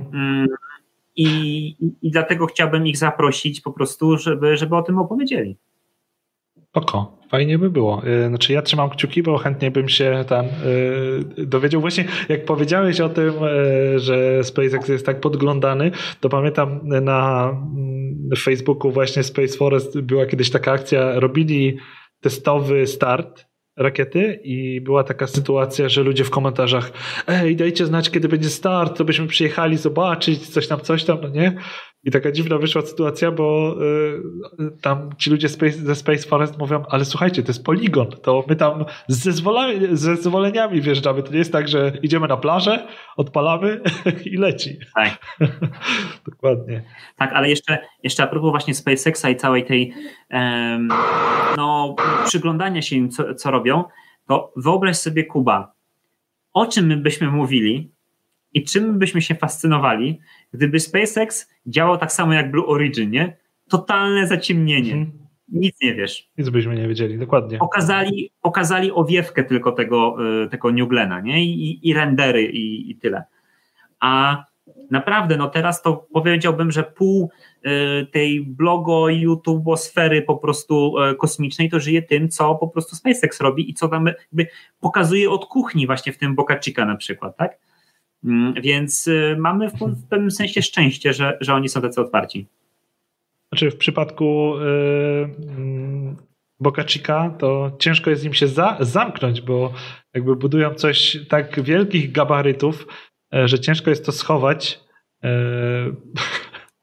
No, no tak, ale wiesz, gdyby naprawdę bardzo chcieli, no to okej, okay, nie kupiliby tego w Boca Chica, tylko kupiliby w jakimś, nie wiem, jakimś lesie gdzieś tam albo w Arizonie obok poligonu nuklearnego, tak. czy, mm-hmm, czy mm-hmm, Area 51 i zagrodziliby, nie wiem, taki teren, że tam, nie wiem, dwa kilometry czy pięć ziemi niczyjej i dopiero gdzieś tam by sobie coś na, na środku pustyni budowali. Mogliby to robić, ale po prostu no, nie chcą. Mhm. No, dokładnie. Kurczę, jestem ciekaw tego. Właśnie Blue Origin. Czy to jest wydmuszka, czy faktycznie zobaczymy w przyszłym roku e, tego New Glena i znaczy ja myślę, że to nie jest wydmuszka, tylko po prostu no, rakiety, budowanie rakiet, no nie, tak dużych też i, i od podstaw i od zera, przecież oni robią też te silniki e, mhm. zupełnie mhm. nowe, no to nie jest prosta sprawa i po prostu to zajmuje czasu, no i nawet jak masz mnóstwo pieniędzy, to nadal to zajmuje dużo czasu, no po prostu. Ja tutaj na boczku sobie um, wygooglałem konto właśnie um, NASA Insight na Twitterze i um, no Kret jest w Marsie zagłębiony, więc tutaj chyba się... Pracuje. Mm, dobra, to może a propos programów NASA, zanim. Ostatnia rzecz, ostatnia rzecz, zanim wpadniemy w tego SpaceXa. Program Artemis. Co tam o nich słychać? Bo wydaje się, że. Co się wydaje? Co myślisz? 2021 y, będziemy mieli ten Artemis 1? Bo SLS Znaczy, yy, powiem tak, znaczy, z jednej strony to, to ja te newsy o tych kolejnych mikro, nanotestach i czymś tam, coś, coś tam się rusza, to generalnie to tak jeszcze, jeszcze, jak już mówiłem właśnie, uwierzę jak zobaczę, nie? Jak, jak zobaczę tę rakietę y, w tym vertical assembly building i tak dalej, no to wtedy coś tam będziemy wiedzieć, może jakoś będzie to przybliżone, nie? ale to jeszcze może tyle rzeczy pójść nie tak i no w tym roku y, relacjonowałeś na przykład te starty tej delty, tak, heavy, gdzie po prostu skraby były non-stop. O, to było straszne. Bo tu ta, y, coś tam się psuło z platformą, tak, coś tam. No, więc takich rzeczy to jeszcze y, po prostu będzie się działo, więc tak jakby w tej chwili to jest takie moim zdaniem jakby nie warto śledzić tego, co oni tam po prostu publikują i co zapowiadają, bo to jest po prostu no, no, no tak, no to pic na wodę, no to po prostu to się zmieni jeszcze z 15 mhm. razy, nie?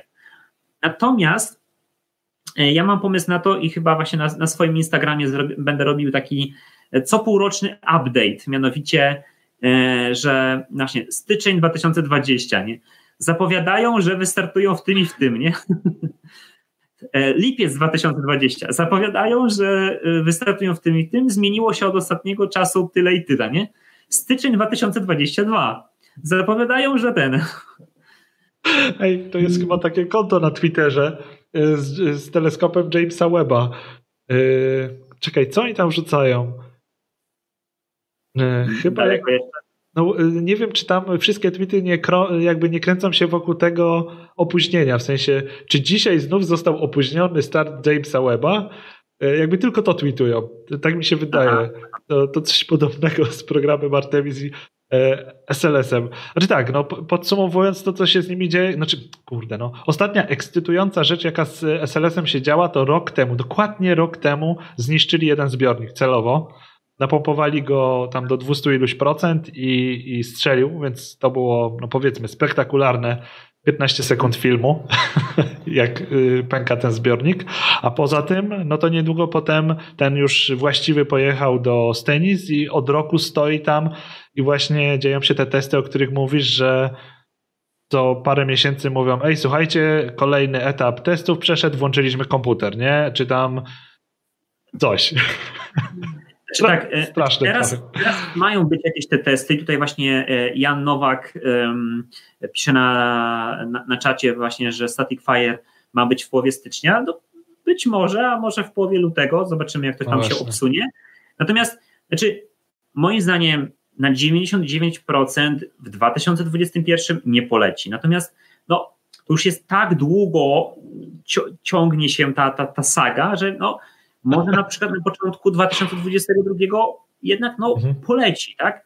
No, bo trudno mi sobie wyobrazić sytuację, że jakby ani razu nie poleci, nie spróbują polecić tego, tego ustrojstwa i to skasują, nie? Bo kolejnym ważnym pytaniem jest, co zrobi Biden, tak? Nowy prezydent i jego administracja. Mhm.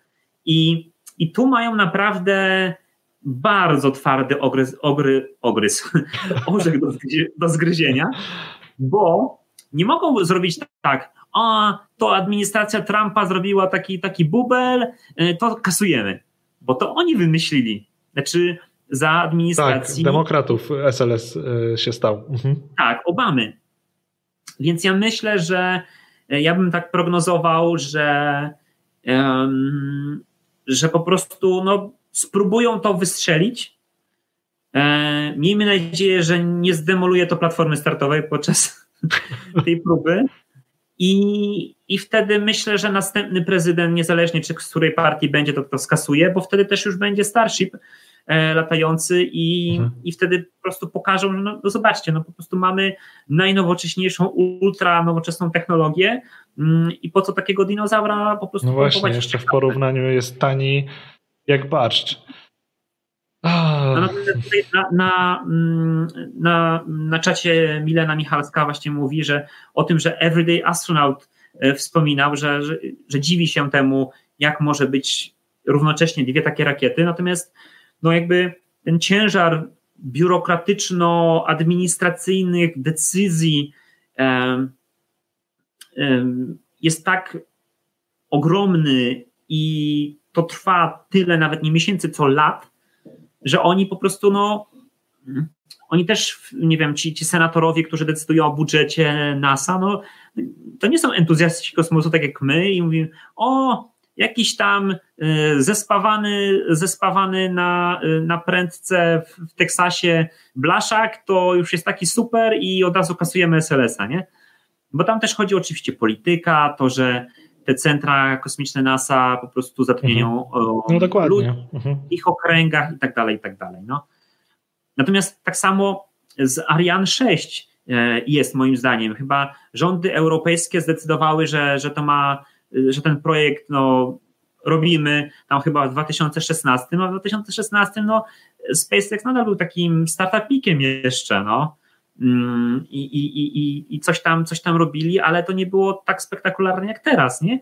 No i Ariane 6 jak zacznie startować za rok, tak chyba, no to już ceną nie, nie jest w stanie konkurować i tylko po prostu jakieś europejskie rządowe, rządowe ładunki będzie mhm. wynosiła. Projekty. No dokładnie, dokładnie. Znaczy, pojawił się ten pomysł europejskiej odzyskiwanej rakiety, no ale to jest na etapie konceptu i zanim w ogóle coś tu się zacznie dziać, to znowu lata. Kuba, Kuba, czas, po pierwsze. Czy ty doczytałeś się, no. kiedy to ma polecieć? Gdzieś późno. No, znaczy, znaczy, z jednej strony to jest bardzo dobrze, że, że coś takiego się pojawiło, bo mm, właśnie y, budowany jest nowy silnik, chyba ma taką fajną nazwę Prometeusz y, i tak dalej i jest taki plan właśnie odzyskiwanej rakiety, ale jest, jest rozpisany plan na mm, kolejne lata, co się będzie działo, ale ten jakby nazwijmy to takie, no bo, bo to jest projekt badawczy, tak? To nie jest tak, że robimy nową rakietę i ona będzie latać, tylko robimy coś takiego, co będzie jakby demonstratorem technologii, tak? I jeśli się nie mylę, to to ma polecieć, yy, cały ten development ma się zakończyć i to ma latać, w, uwaga, uwaga, w 2030 roku no to dlatego, dlatego ja po prostu. Będziemy, tutaj... będziemy to oglądać z, na wakacjach na Marsie, jak Starshipem tam polecimy. Wtedy sobie marsjańską TVP odpalimy i tam będzie e, sobie. Natomiast e, znaczy, dlatego też ja chciałbym tu podkreślić naprawdę jeszcze raz moje ogromne brawa dla, dla Rocket Labu, tak? Bo oni są tak naprawdę jedyną w tej chwili firmą, która ma orbitalną rakietę i próbuje ją odzyskiwać, nie? Bo, nie licząc SpaceX, tak? Mhm. Teraz, w 2020, 2021, nie w 2030. Tak. Dobra. Przejdźmy do tego, co powinno być już dawno temu SpaceX i ich tematy. Dwie rzeczy, y, jak dla mnie, y, kluczowe. Po pierwsze, kolejny Dragon wszedł do eksploatacji, nowa wersja. Y, no i po drugie, Silos w Boca Chica, który robi dużo różnych śmiesznych rzeczy. Mhm.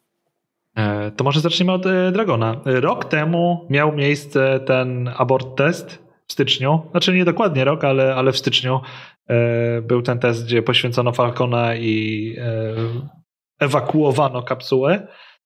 A potem już w maju chyba leciała załoga.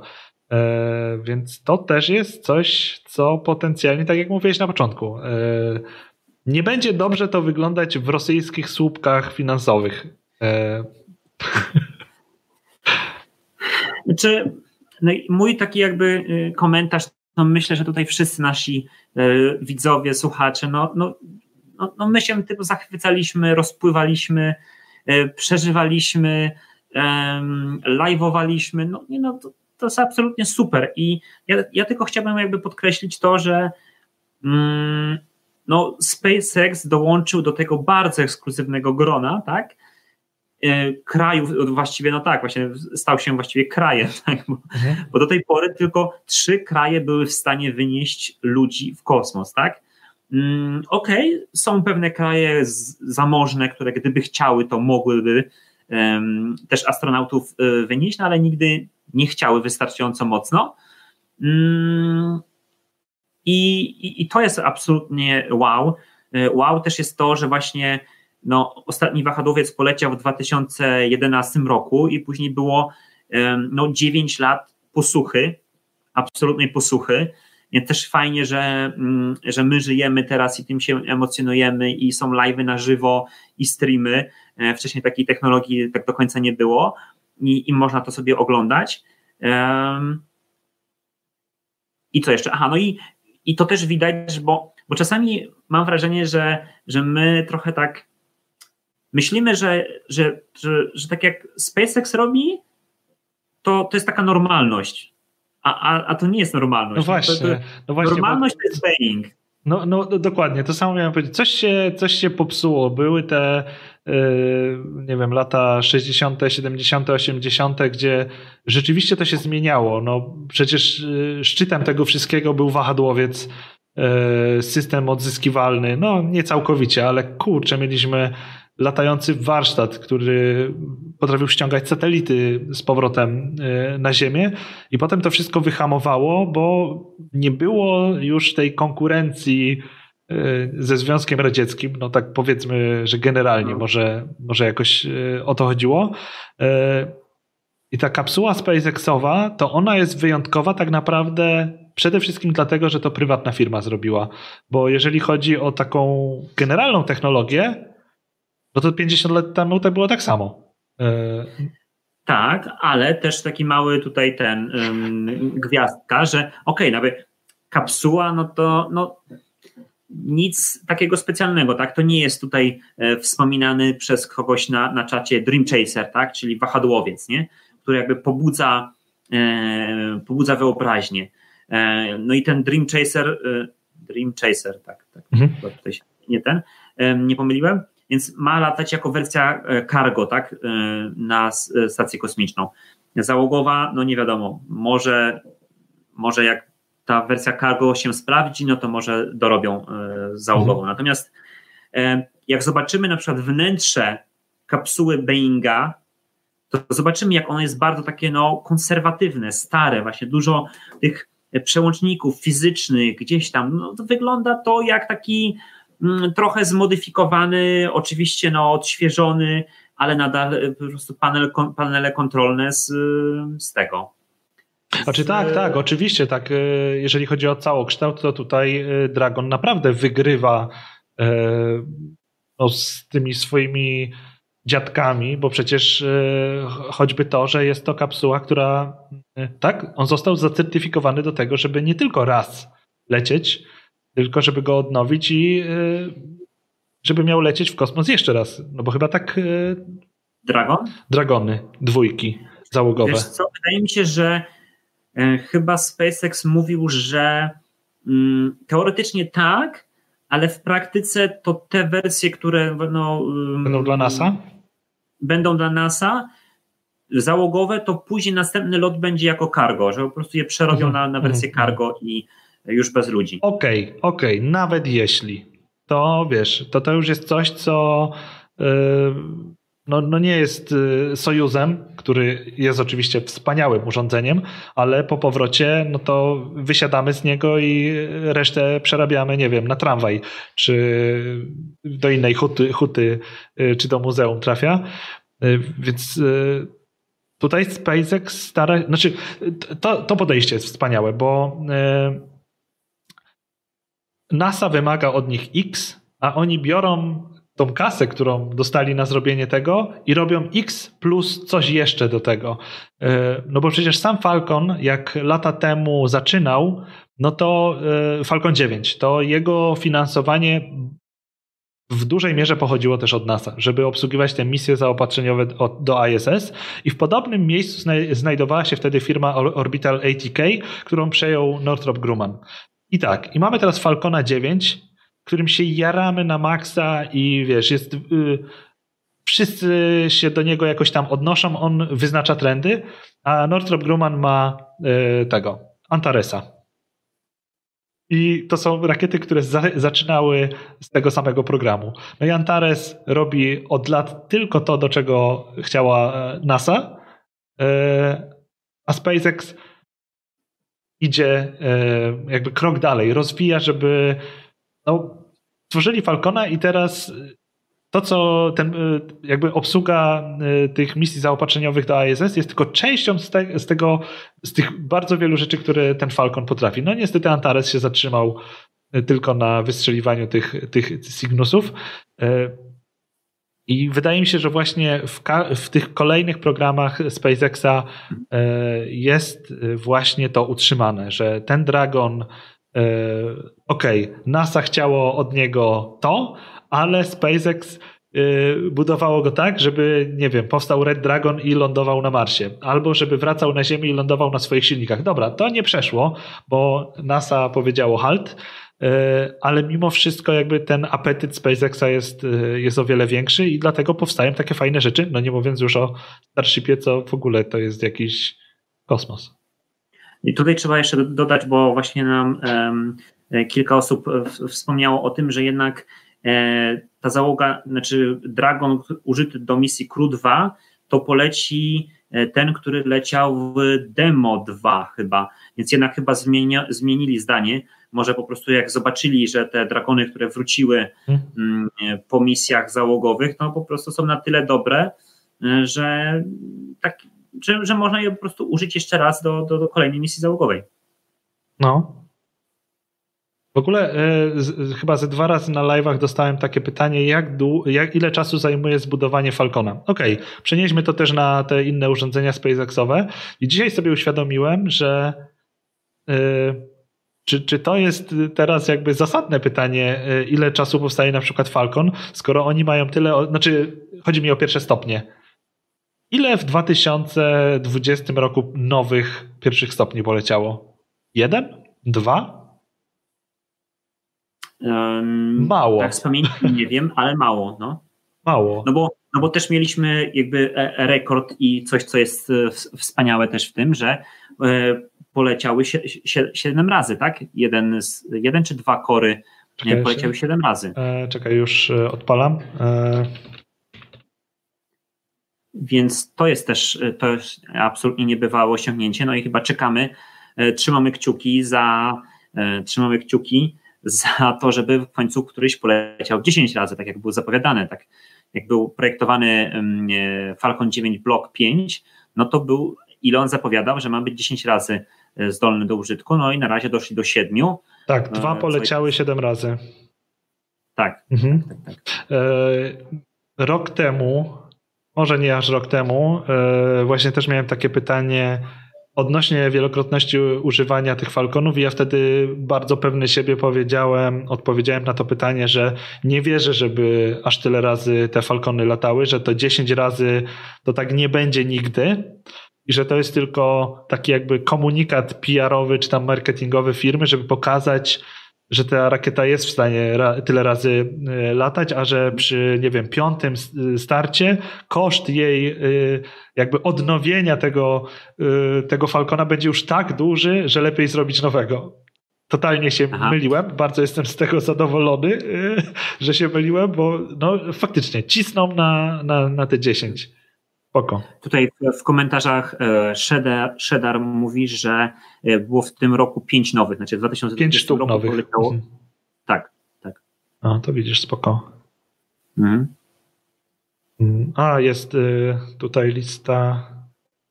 A jest, faktycznie. Można sobie policzyć. E, raz, dwa, trzy, cztery, pięć. Ten jest z poprzedniego. No, faktycznie. Mhm. Ale jest to ilość boosterów skończona i mają czym e, wyrabiać e, swoje, swoje zlecenia.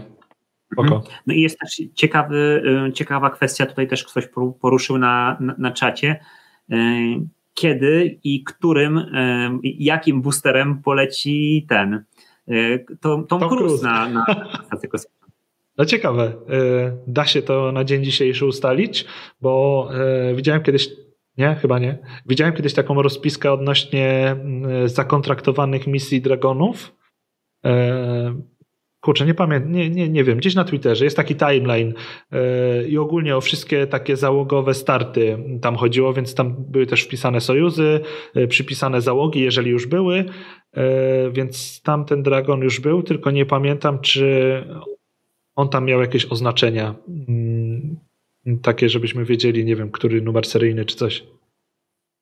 No dobra, mniejsza z tym, nie wiem. Mhm. Powiedziałem, ale nie wiem. E, Okej. Okay. Czy coś chcemy dodać, tak? Nie? O tym. E, o dragonach? O, Już o chyba dragonach. nie. Ja nie jestem taki płynny w przechodzeniu e, do innych tematów. E, kończymy Dragona. Przechodzimy do Starshipa. Dziękuję. Krótkie, Krótka piłka. w żołnierskich słowach, koniec. Słuchaj, wszystko, wszystko co ważnego e, ze Starshipem działo się na przestrzeni tak naprawdę 2020 roku. Znaczy, wszystkie serial number były testowane, tak? Bo e, na początku był ten Mark 1, e, przy którym była ta konferencja prasowa w październiku, listopadzie 2019. No i on im bardzo szybko zrobił RUD, Rapid Unscheduled Disassemble. Tak samo skończył Mark 2, E, czekaj, e, mam ten. Mam na Twitterze piskę i zaraz ją odpalę. Czy tam akurat nie ma tych e, mark coś? Właśnie, mamy wszystkie. Stan na 15 grudnia 2020. E, I tak, był Mark 1, Mark 2 i potem przeszli do notacji serial number. E, dobra, może tak. A to chyba też się zmieniło wtedy, bo te Mark 1, Mark 2 to były um, rozwijane równolegle, tak? Jeden na Florydzie, jeden w Boca Chica, chyba taka była konkurencja. Aha, no, no robili coś takiego. Mhm. A, a, później jakby zamknęli tą, tą część na, na Florydzie i po prostu wszystkie siły poszły na, do Teksasu i wtedy też te serial numbery się pojawiły. Mhm. E, I co? E, piątka i szóstka, znaczy takie no, najfajniejsze rzeczy to chyba pod koniec 2020, no bo wcześniej były testy ciśnieniowe i inne takie cuda. Kurczę, wrzuciłem tam grafikę, ale nie wyświetla się mm, e, nazwa tego autora, a chciałbym, żeby to jednak się znalazło, żeby no, nie było takiej niemiłej sytuacji, że wyświetlam, a nie pokazuje kto jest autorem. Mhm.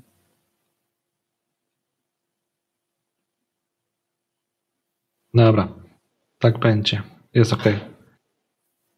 Więc mieliśmy całą masę tych różnych testów e, ciśnieniowych, e, ale SN5 i SN6 to były te, które zrobiły te fajne podskoki na 150 metrów i przelot e, z platformy startowej na, na lądowisko. Mhm. No i potem SN8. E, czekaj, to był grudzień? Nie, to był jeszcze listopad, kiedy kiedy był ten. No, mniejsza z tym. Koniec roku, końcówka roku. Jak ty obstawiałeś? Co się, że co się z nim miało stać? Jak ty myślałeś, że ten test znaczy, będzie przebiegał? Ja Znaczy ja na pewno obstawiałem to, że, że będzie jakieś, jakieś boom.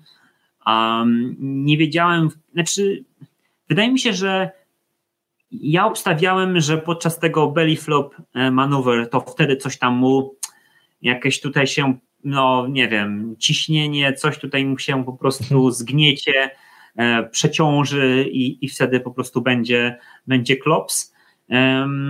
Na pewno nie spodziewałem się, że, że, że to tak super e, pójdzie, no i naprawdę, no już było bardzo, bardzo przecież bliziutko, bliziutko do, do powodzenia całej akcji więc, więc naprawdę jestem pod wielkim wrażeniem. No i teraz jestem ciekaw, co ten właśnie dziewiątka zrobi, czy spróbują, e, czy spróbują właśnie naddźwiękowo go puścić, bo to też już później jest e, no, zupełnie inna energia, którą trzeba wytracić i e, też przeciążenia mogą być większe. No i, no i ciekawe, co, co, co dalej, kiedy, kiedy ta orbita. Mhm.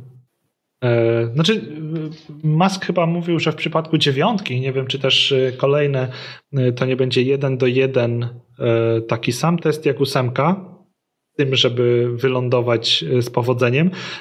Ja też obstawiałem, że ósemka będzie miała awarię przy belly flop, przy czym wydawało mi się, że to będzie działo się wtedy na takiej zasadzie, że przy obrocie będą takie naprężenia, że właśnie coś tam szczeli, coś tam pęknie e, w związku z tym obrotem. I nic takiego nie miało miejsca. Mieliśmy mhm. fajny obrót, mieliśmy te odpalenie tych silników i e, zupełnie inna rzecz zawiodła, bo tam chyba ciśnienie w którymś z tych małych zbiorników spadło i silniki nie dostawały odpowiedniej ilości metanu y, i wtedy się ten fajny niebieski, y, przepraszam, zielony płomień pojawił. E, ja na live mówiłem, wow, to musi być ta substancja zapalająca, która odpala silniki. No ale nie, to, to był tak zwany, jak to mówią? Engine Rich, mieszanka bogata w A, tak, silnik. Tak, tak. tak, Czyli tak. Bo to po prostu spalało, spalało silnik. Tak. tak, spalała się miedź z silnika i dlatego było na zielono. No, było tego zielon, zielonego za dużo, jak na substancję zapalającą, którą zresztą, z której zresztą ta rakieta nie korzysta, bo tam zapłon mhm. jest zupełnie, zupełnie inny. Tutaj na czacie um, użytkownik Maj Oniwy? My, Maj... my Oniwy, my Oniwy. A, my Oniwy, dobra.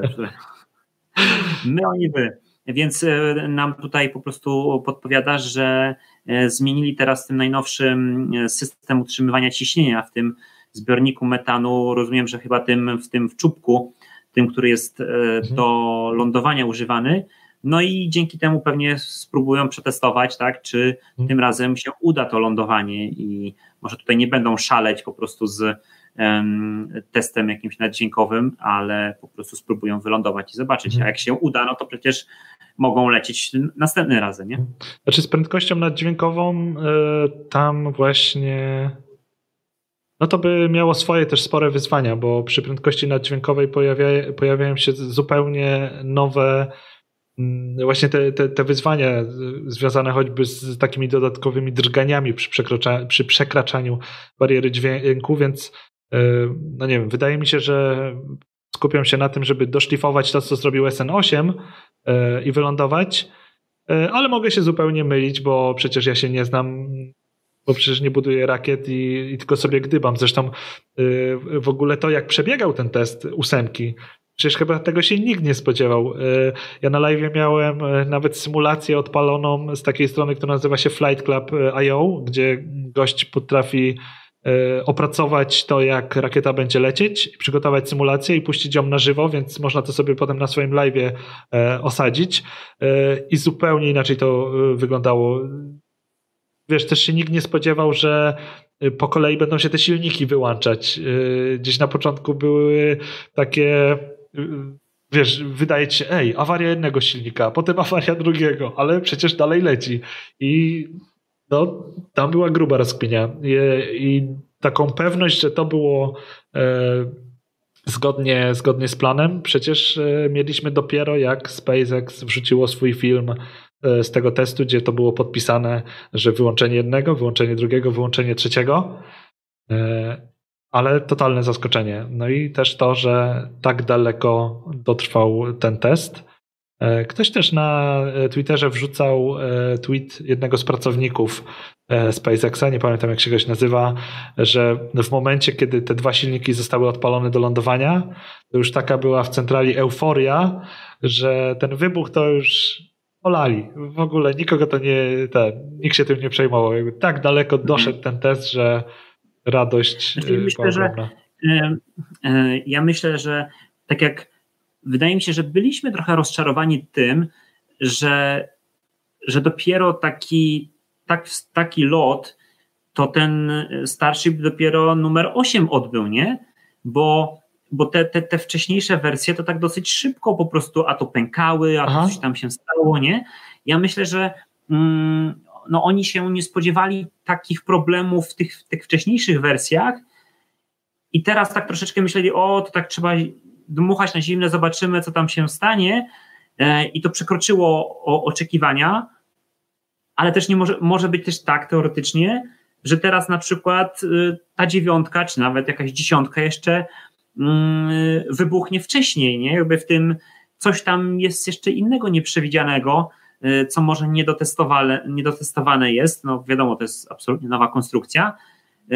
Mówię o całości tego systemu, i, to, że ósemka dała radę prawie już wylądować, nie znaczy, że dziewiątka dojdzie do tego samego poziomu, nie? Mhm. Oczywiście mam nadzieję, że tak, ale zobaczymy.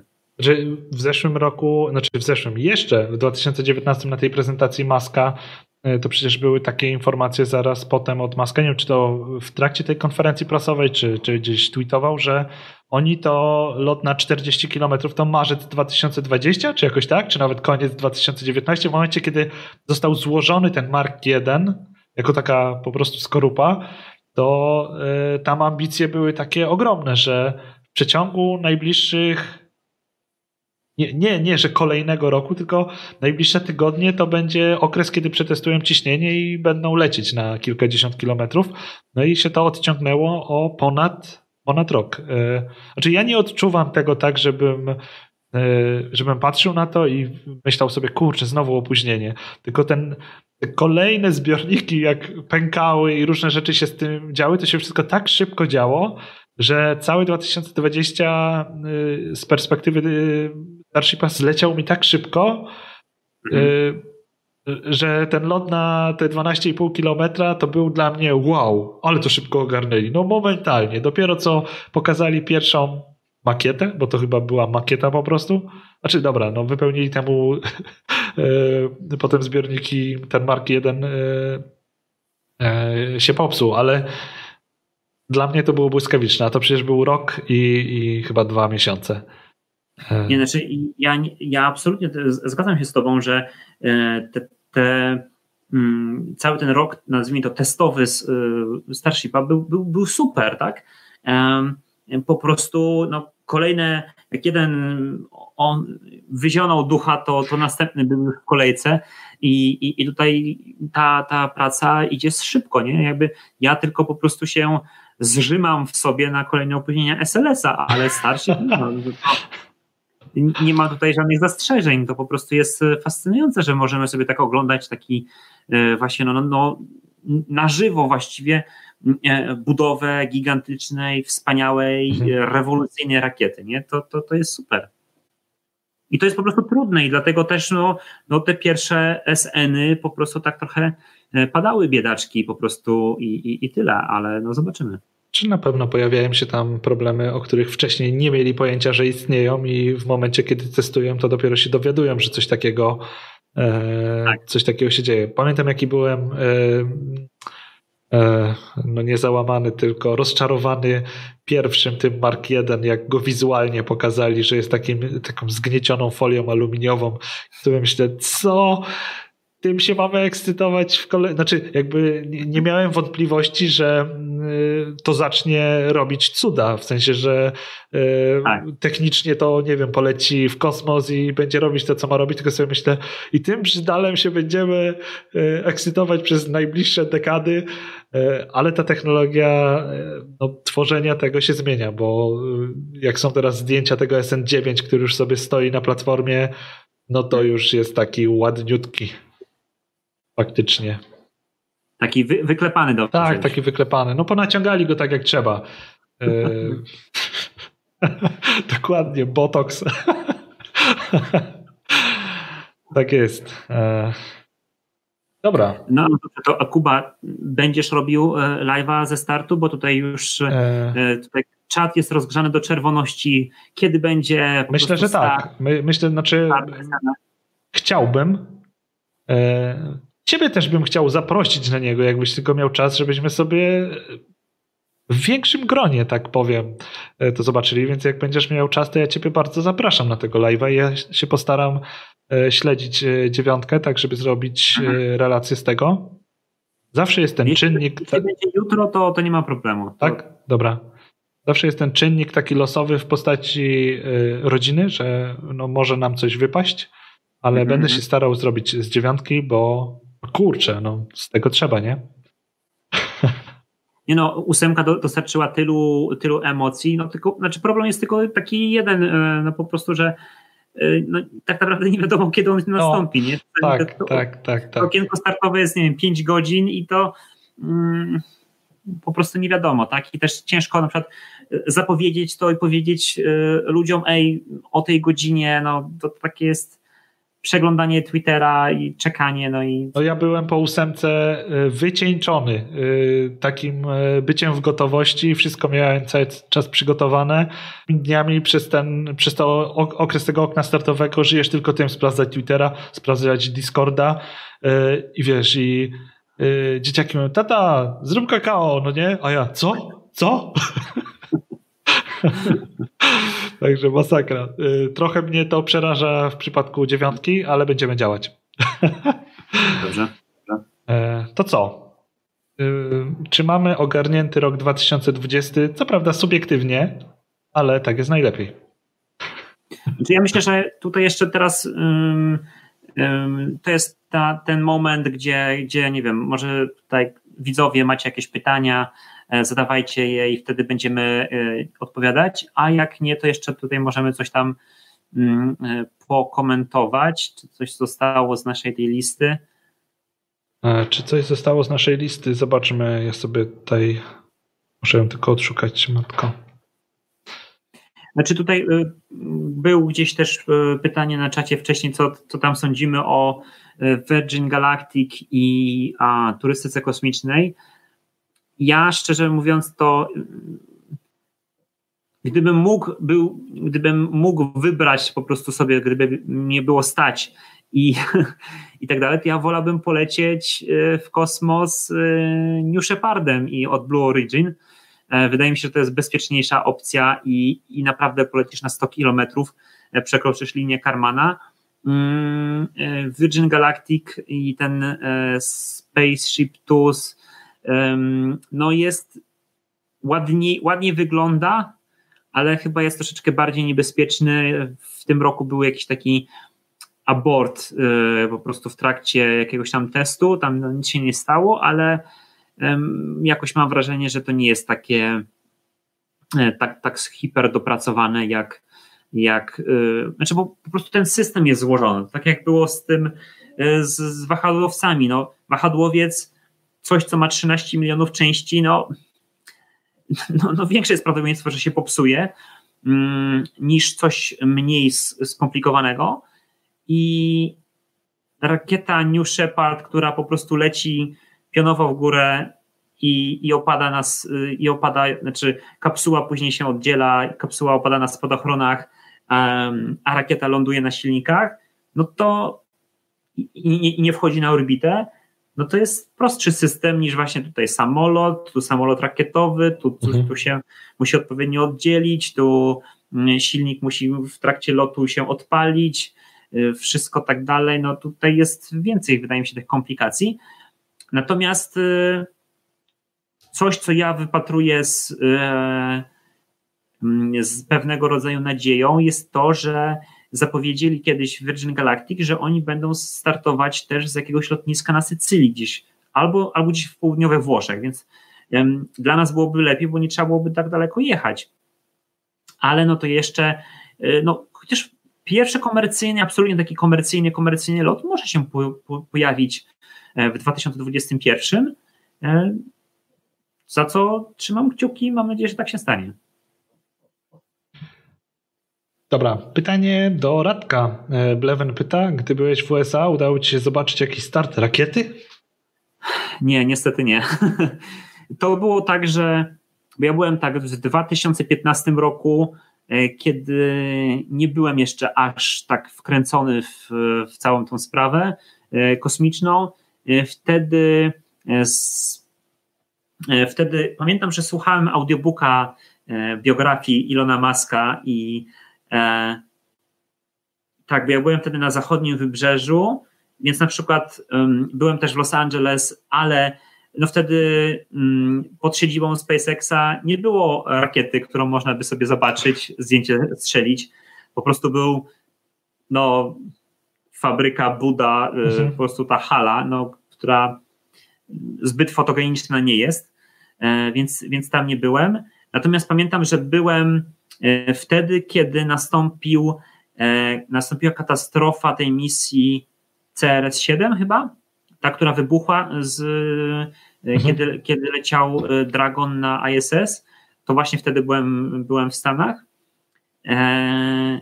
ale no, tego nie widziałem. Później jeszcze byłem w 2017, byłem na konferencji Humans to Mars w Waszyngtonie, E, i tam po muzeach waszyngtońskich buszowałem, ale no, na start trzeba byłoby się przejechać na, na Florydę. No i jest to jakoś takie jedno wielkie moje marzenie, żeby kiedyś, e, kiedyś to zrobić. Może kiedyś z Kubą się wybierzemy, nie wiem, zobaczymy. Natomiast problem polega na tym, że tam by trzeba było się wybrać tak naprawdę na miesiąc chyba, tak poczatować, bo to przecież te, te, te opóźnienia, to coś tam, to, to nie wiadomo, no, gdyby ktoś specjalnie na start pojechał we wrześniu 2020, to by się bardzo rozczarował, bo te opóźnienia ponad miesiąc chyba. E... Tak, no tutaj też e, znajomi e, studenci, którzy wysłali satelitę PWSAT-2, e, który leciał Falconem, ale z Vandenberg, no polecieli do Stanów i, i większość z nich chyba ten start przegapiła, bo po prostu no, kupili bilety na, nie wiem, dwa tygodnie czy coś takiego, że tam mieli zostać, no i później musieli się niestety zwijać, no bo to też tania wycieczka nie jest. Mm, I, i, i mieszkanie w Kalifornii nie jest tanią rzeczą, szczególnie na studencką kieszeń. I, i większość z nich to przegap, po prostu przegapiła, tak? I oglądali to już w Polsce. Więc żeby nie przegapić, no to trzeba byłoby moim zdaniem tak zrobić sobie takiego zapasu, takiej górki e, e, z miesiąc i wtedy może by się coś udało. Jak ruszą e, starty z platformy z kosmodromu portu kosmicznego w Szkocji, lekkich rakiet, to ja będę tam bardzo chętnie. Aha, tylko że po Brexicie nie wiadomo, czy. Nie wiem. Wyrobię sobie paszport. Może mnie wpuszczą. No. E, Marcin Osucha ma pytanie. Jakie macie zdanie o SLS? Czy według Was projekt tej rakiety ma sens?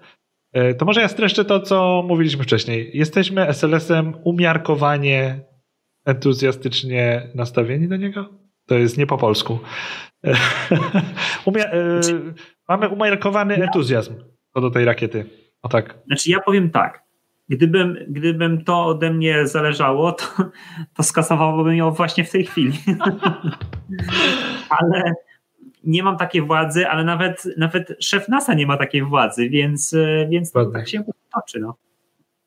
Dokładnie, dokładnie. E, Słodkorożec, czy dragon, e, który jest przy, czy dragon, który jest przygotowany do wodowania w razie jakichś, jakichkolwiek problemów z obraniem trajektorii lotu, leciałby na ląd, jest przygotowany do lądowania na silnikach a dobra. E, chodzi o to, czy, że jest przygotowany do lądowania na wodzie, we wodzie, a co by się stało, gdyby na, na lądzie? Normalnie ląduje na lądzie. On jest przystosowany do tego, żeby e, spaść też na ląd, przy czym będzie to bardziej twarde lądowanie i pewnie wtedy wykluczy danego Dragona z dalszych misji, już nie będzie pewnie odzyskiwany. Ale jesteś, jesteś tego pewien, bo mi obiło się o uszy, ale mhm. jakby dużo pieniędzy na to bym nie postawił.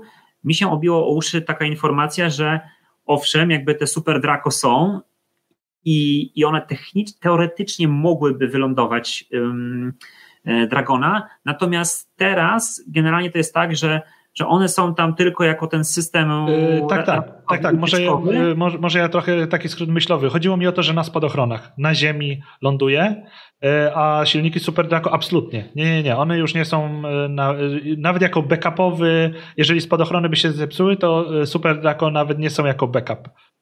Tak, one, one jakoś są odcinane po tym, jak nie ma sensu już skorzystać z tego systemu ucieczkowego, ratunkowego, mhm to jest one są odcinane i, i mhm. po prostu nie będzie. Nie, mają, będzie... nie mają zastosowania. Tak, tak, tak. Mhm. Ale na lądzie jak najbardziej y, może normalnie na spadochronach. Tylko jest to twardsze lądowanie. Super Draco wtedy nie funkcjonują. Tak, zgadza się. Y, mhm. Jest pytanie od Alberto Caballero. Y, jak będzie lądował BN1? Czy to prawda, że będzie łapany? BN1? Czekaj, bo ja nie, nie. Znaczy nie, ch chyba chodzi o tego, o Super Heavy. Znaczy, bo ostatnio się pojawiła ta informacja, że, Aha, dobra, że może nie okay. mieć nóg, tak? Po prostu do lądowania. E, aha, booster number one. E, o to chodzi, o tę notację SpaceXową e, mhm. Super Heavy. Hmm. No, tak Elon powiedział, że rozkminiałem to, czy nie łapać go za e, gridfins te tak. ogromne. Zatarki. Tak, zatarki. No, no, ciekawe, znaczy, jeżeli chodzi o precyzję tego, y, jak potrafią y, wracać boosterem Falcona, jeżeli skopiują to na, na Super Heavy, to jest to jak najbardziej wykonalne. Y, żeby precyzyjnie znaleźć się w miejscu, mhm gdzie jest ten łapacz, czyli pewnie na platformie startowej, jak to będzie fizycznie wyglądało takie przechwycenie, czyli jak to urządzenie na platformie będzie wyglądać, no to jeszcze się okaże. Widziałem ca całe mnóstwo różnych renderów, animacji yy, na, na, Twitterze i jest to jak najbardziej wykonalne. Yy, mhm. znaczy, no, Ma to pomysł sens. jest e, no, jak tak na, na, na, pierwszy rzut oka i ucha i to, to taki wydaje się trochę szalony, no ale właśnie, no jakby tak dopracowali y, precyzję lądowania Falconów, że no to dlaczego by mm, ten Super Heavy miał nie być równie precyzyjny, tylko ewentualnie no wydaje mi się, że największy minus jest taki, że no, no gdyby coś poszło nie tak, no to rozwalają platformę, tak, oczywiście startową. Oczywiście no już ten lądujący Super Heavy nie będzie miał dużo paliwa, no ale coś tam będzie miał, no poza tym jakąś tam swoją masę, no też nie dużą, no bo to już będzie pusty, no ale jakąś tam. Mm. Natomiast wydaje mi się, że pewnie no, liczą na to, że w ogólnym rozrachunku jednak to, że nie będzie musiał um, wozić na orbitę nóg, no po prostu jest warte, warte tego mhm. zachodu i ryzyka. Dokładnie, dokładnie. No jest to, jest to jak najbardziej wykonalne. Tu jest y, też fajne pytanie, 44 Kowal. Jak Starship będzie lądował na przykład na Marsie, to czy odpryskujące kamienie nie zniszczą rakiety? Jak oni zamierzają ogarnąć te kwestie? Pozdrawiam cieplutko. E, no chyba ta rakieta jest y, właśnie budowana z myślą o odporności na takie, na takie rzeczy i najlepiej to pokazuje sposób, jak testują y, Starshipa. Przecież serial number y, SN5 i SN6, jak startowały, to oba zdetonowały coś pod sobą na platformie startowej. Mhm. I co? I wylądowały.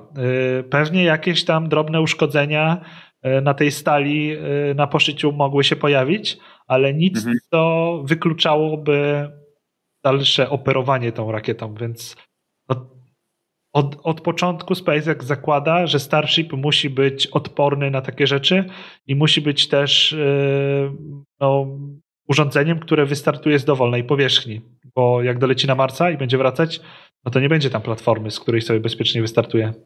Nie, no oczywiście, no musi, musi mieć jakieś po prostu też nogi, które się będą jakoś jakby całą konstrukcję samo poziomowały, no po prostu no nie wiadomo, znaczy okej, okay, no w jakimś tam zakładają, że na jakiejś tam powierzchni w miarę płaskiej oczywiście będzie lądował na tym Marsie, no ale no, no, no, no, no nie na betonowym, równiutkim podłożu, tak. Dobra. E, inżynier rzeczywistości pyta, e, czy planujesz jakąś bliższą współpracę z Polską Agencją Kosmiczną w realizacji projektów? E, powiem tak, ja nie, ale przeczytałem to pytanie, bo teraz zapytamy Radka, czy on pracuje, e, planuje i coś się dowiemy, nie? Nie, nie, nie, nie sądzę. Nie, sądzę. Nie, nie udało nam się wysądować Radka. Dobra, e, robi się tu gęsto znowu. E, co my tu mamy? E... Znaczy, ja może tylko dodam to, że no, Polska Agencja Kosmiczna jakoś tam rozwija ten taki swój departament edukacji, natomiast to jest tak, że Polskiej Agencji Kosmicznej nie interesuje, co tam Elon Musk robi, Starshipy i tak dalej, no tylko oni są tak bardziej bliżej no, przemysłu, startupów, takich e, wykorzystujących na przykład dane satelitarne, e, więc to jest zupełnie troszeczkę coś innego, e, szczególnie coś innego niż to, co robi Kuba, tak mi się wydaje, więc. No, dobra. Są jeszcze dwa pytania i potem moglibyśmy zakończyć. Jest y, Okrześ 709 pyta, co sądzicie o koncepcji odzyskiwania drugiego stopnia Falcona 9? To jest coś, co się też często pojawia i no nie wiem, mo, może ty Radek, świeże spojrzenie, bo ja mam na to już takie konkretne zdanie, które często powtarzam. A co ty myślisz? Drugi Dobra, stopień Falcona 9. Ja powiem, a później ty powiesz swoje, tak? tak. Bo ja nie, mhm. nie pamiętam, jak jest twoje. Mhm, dobra. Dobra, nie, znaczy, wydaje mi się, że po prostu absolutnie zarzucono ten, ten kiedyś był taki pomysł, ale zarzucono ten projekt, bo po prostu um, nie ma to sensu, bo w którymś momencie po prostu Starship e, przejmie e, kontrakty i wszystkie loty po prostu wynoszenia satelitów, no i Starship jako ten, ten drugi człon jest właśnie drugi stopień jest odzyskiwalny, więc nie ma sensu wydawania e, zasobów na próbę odzyskiwania drugiego stopnia z Falcona, jak po prostu w końcu to zostanie zastąpione Starshipem. No to mo moje zdanie zawsze było takie, że Falcon jest y, Falcon 9, bo Falcon Heavy jeszcze jakoś tam będzie rozwijany, ale Falcon 9 to jest zamknięty już projekt. Tam nie zobaczymy żadnych poważnych modyfikacji. Wydaje mi się, że w ogóle nie, nie, nie będzie modyfikowana ta rakieta e, i ten koncept odzyskiwania drugiego stopnia e, no dlatego nie przeszedł, bo na początku, kiedy Falcon był projektowany, pewnie od początku nie, nie przewidywano tego, żeby drugi stopień był odzyskiwany, więc przerabianie go teraz byłoby strasznie trudne. E, rakieta, która w swoich fundamentach nie miała tego, a Starship ma, więc tak od zera można projektować. No i nawet jeżeli byśmy się uparli, że Falcon 9 będzie miał odzyskiwalny drugi stopień, no to zwiększy to masę tego drugiego stopnia kosztem ładunku, więc będziemy mieli droższy drugi stopień i mniejszy przychód z realizowanych misji, bo lżejsze ładunki będziemy obsługiwać. Więc y, no, dla mnie tak, tak mi się zawsze wydawało, że, że to ubiło koncept drugiego stopnia wracającego. Mhm. E, dobra, ostatnia, ostatnia rzecz i e, będziemy zamykać. E, James Bond pyta, właśnie, a co ze Starlinerem? No właśnie, co z tym wspaniałym Starlinerem, który od roku nie robi w kosmosie nic? Skoku. No, Starliner ma polecieć, znaczy takie optymistyczne scenariusze mówią, że jakoś no na pewno w pierwszej połowie roku poleci ta misja bezzałogowa jeszcze raz, spróbują i jak wszystko pójdzie cacy, no to do końca roku poleci też e, testowy, mm, załogowa wersja, ale to jest po prostu naprawdę jeszcze trudniejsze niż wróżenie, niż chyba e, co, co zrobi kolejny serial number po prostu, bo no cisza jest, nie? E, no, jest jakieś takie info właśnie, że powtórzą test e, i w trakcie roku, jeżeli test e, ten bezzałogowy się powiedzie, no to też, też będzie ten, ten załogowy. No i poza tym właśnie jest cisza i no też jest to martwiące, że rok im zeszło, żeby się tak ogarnąć, pewnie ponad, bo przecież ten orbitalny nieudany, znaczy udany, udany łamany przez nieudany lot był w 2019 pod koniec,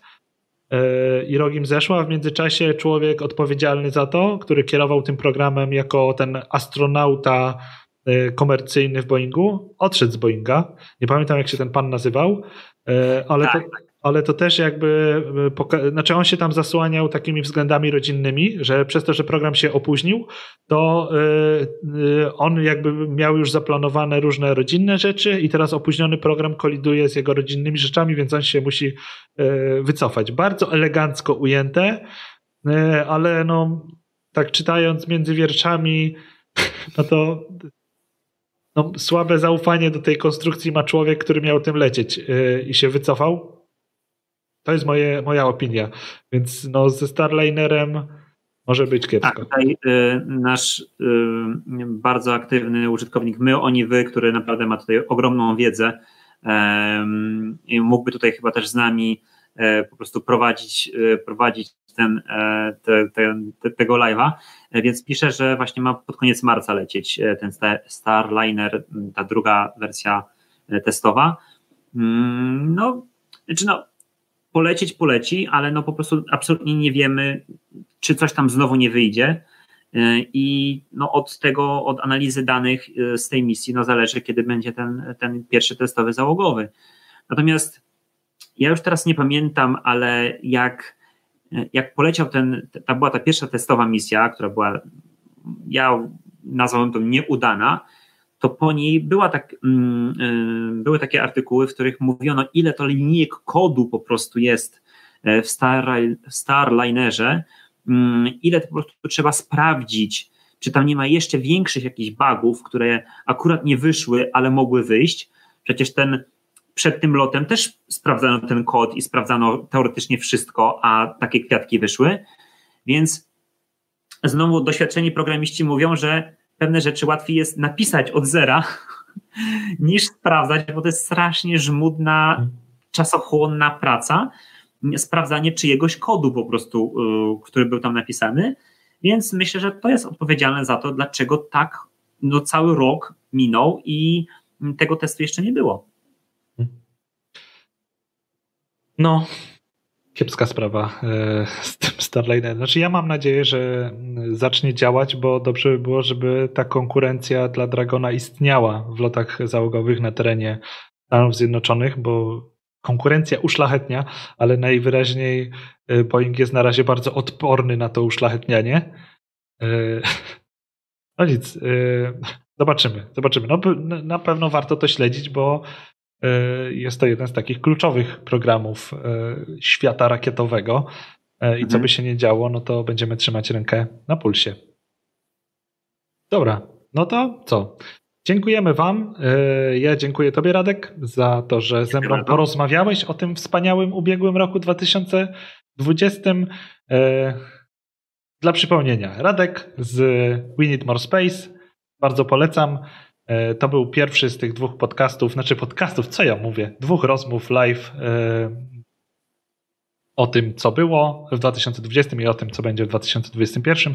E, także dzięki wielkie, trzymajcie się i do zobaczenia we wtorek. Cześć. Cześć.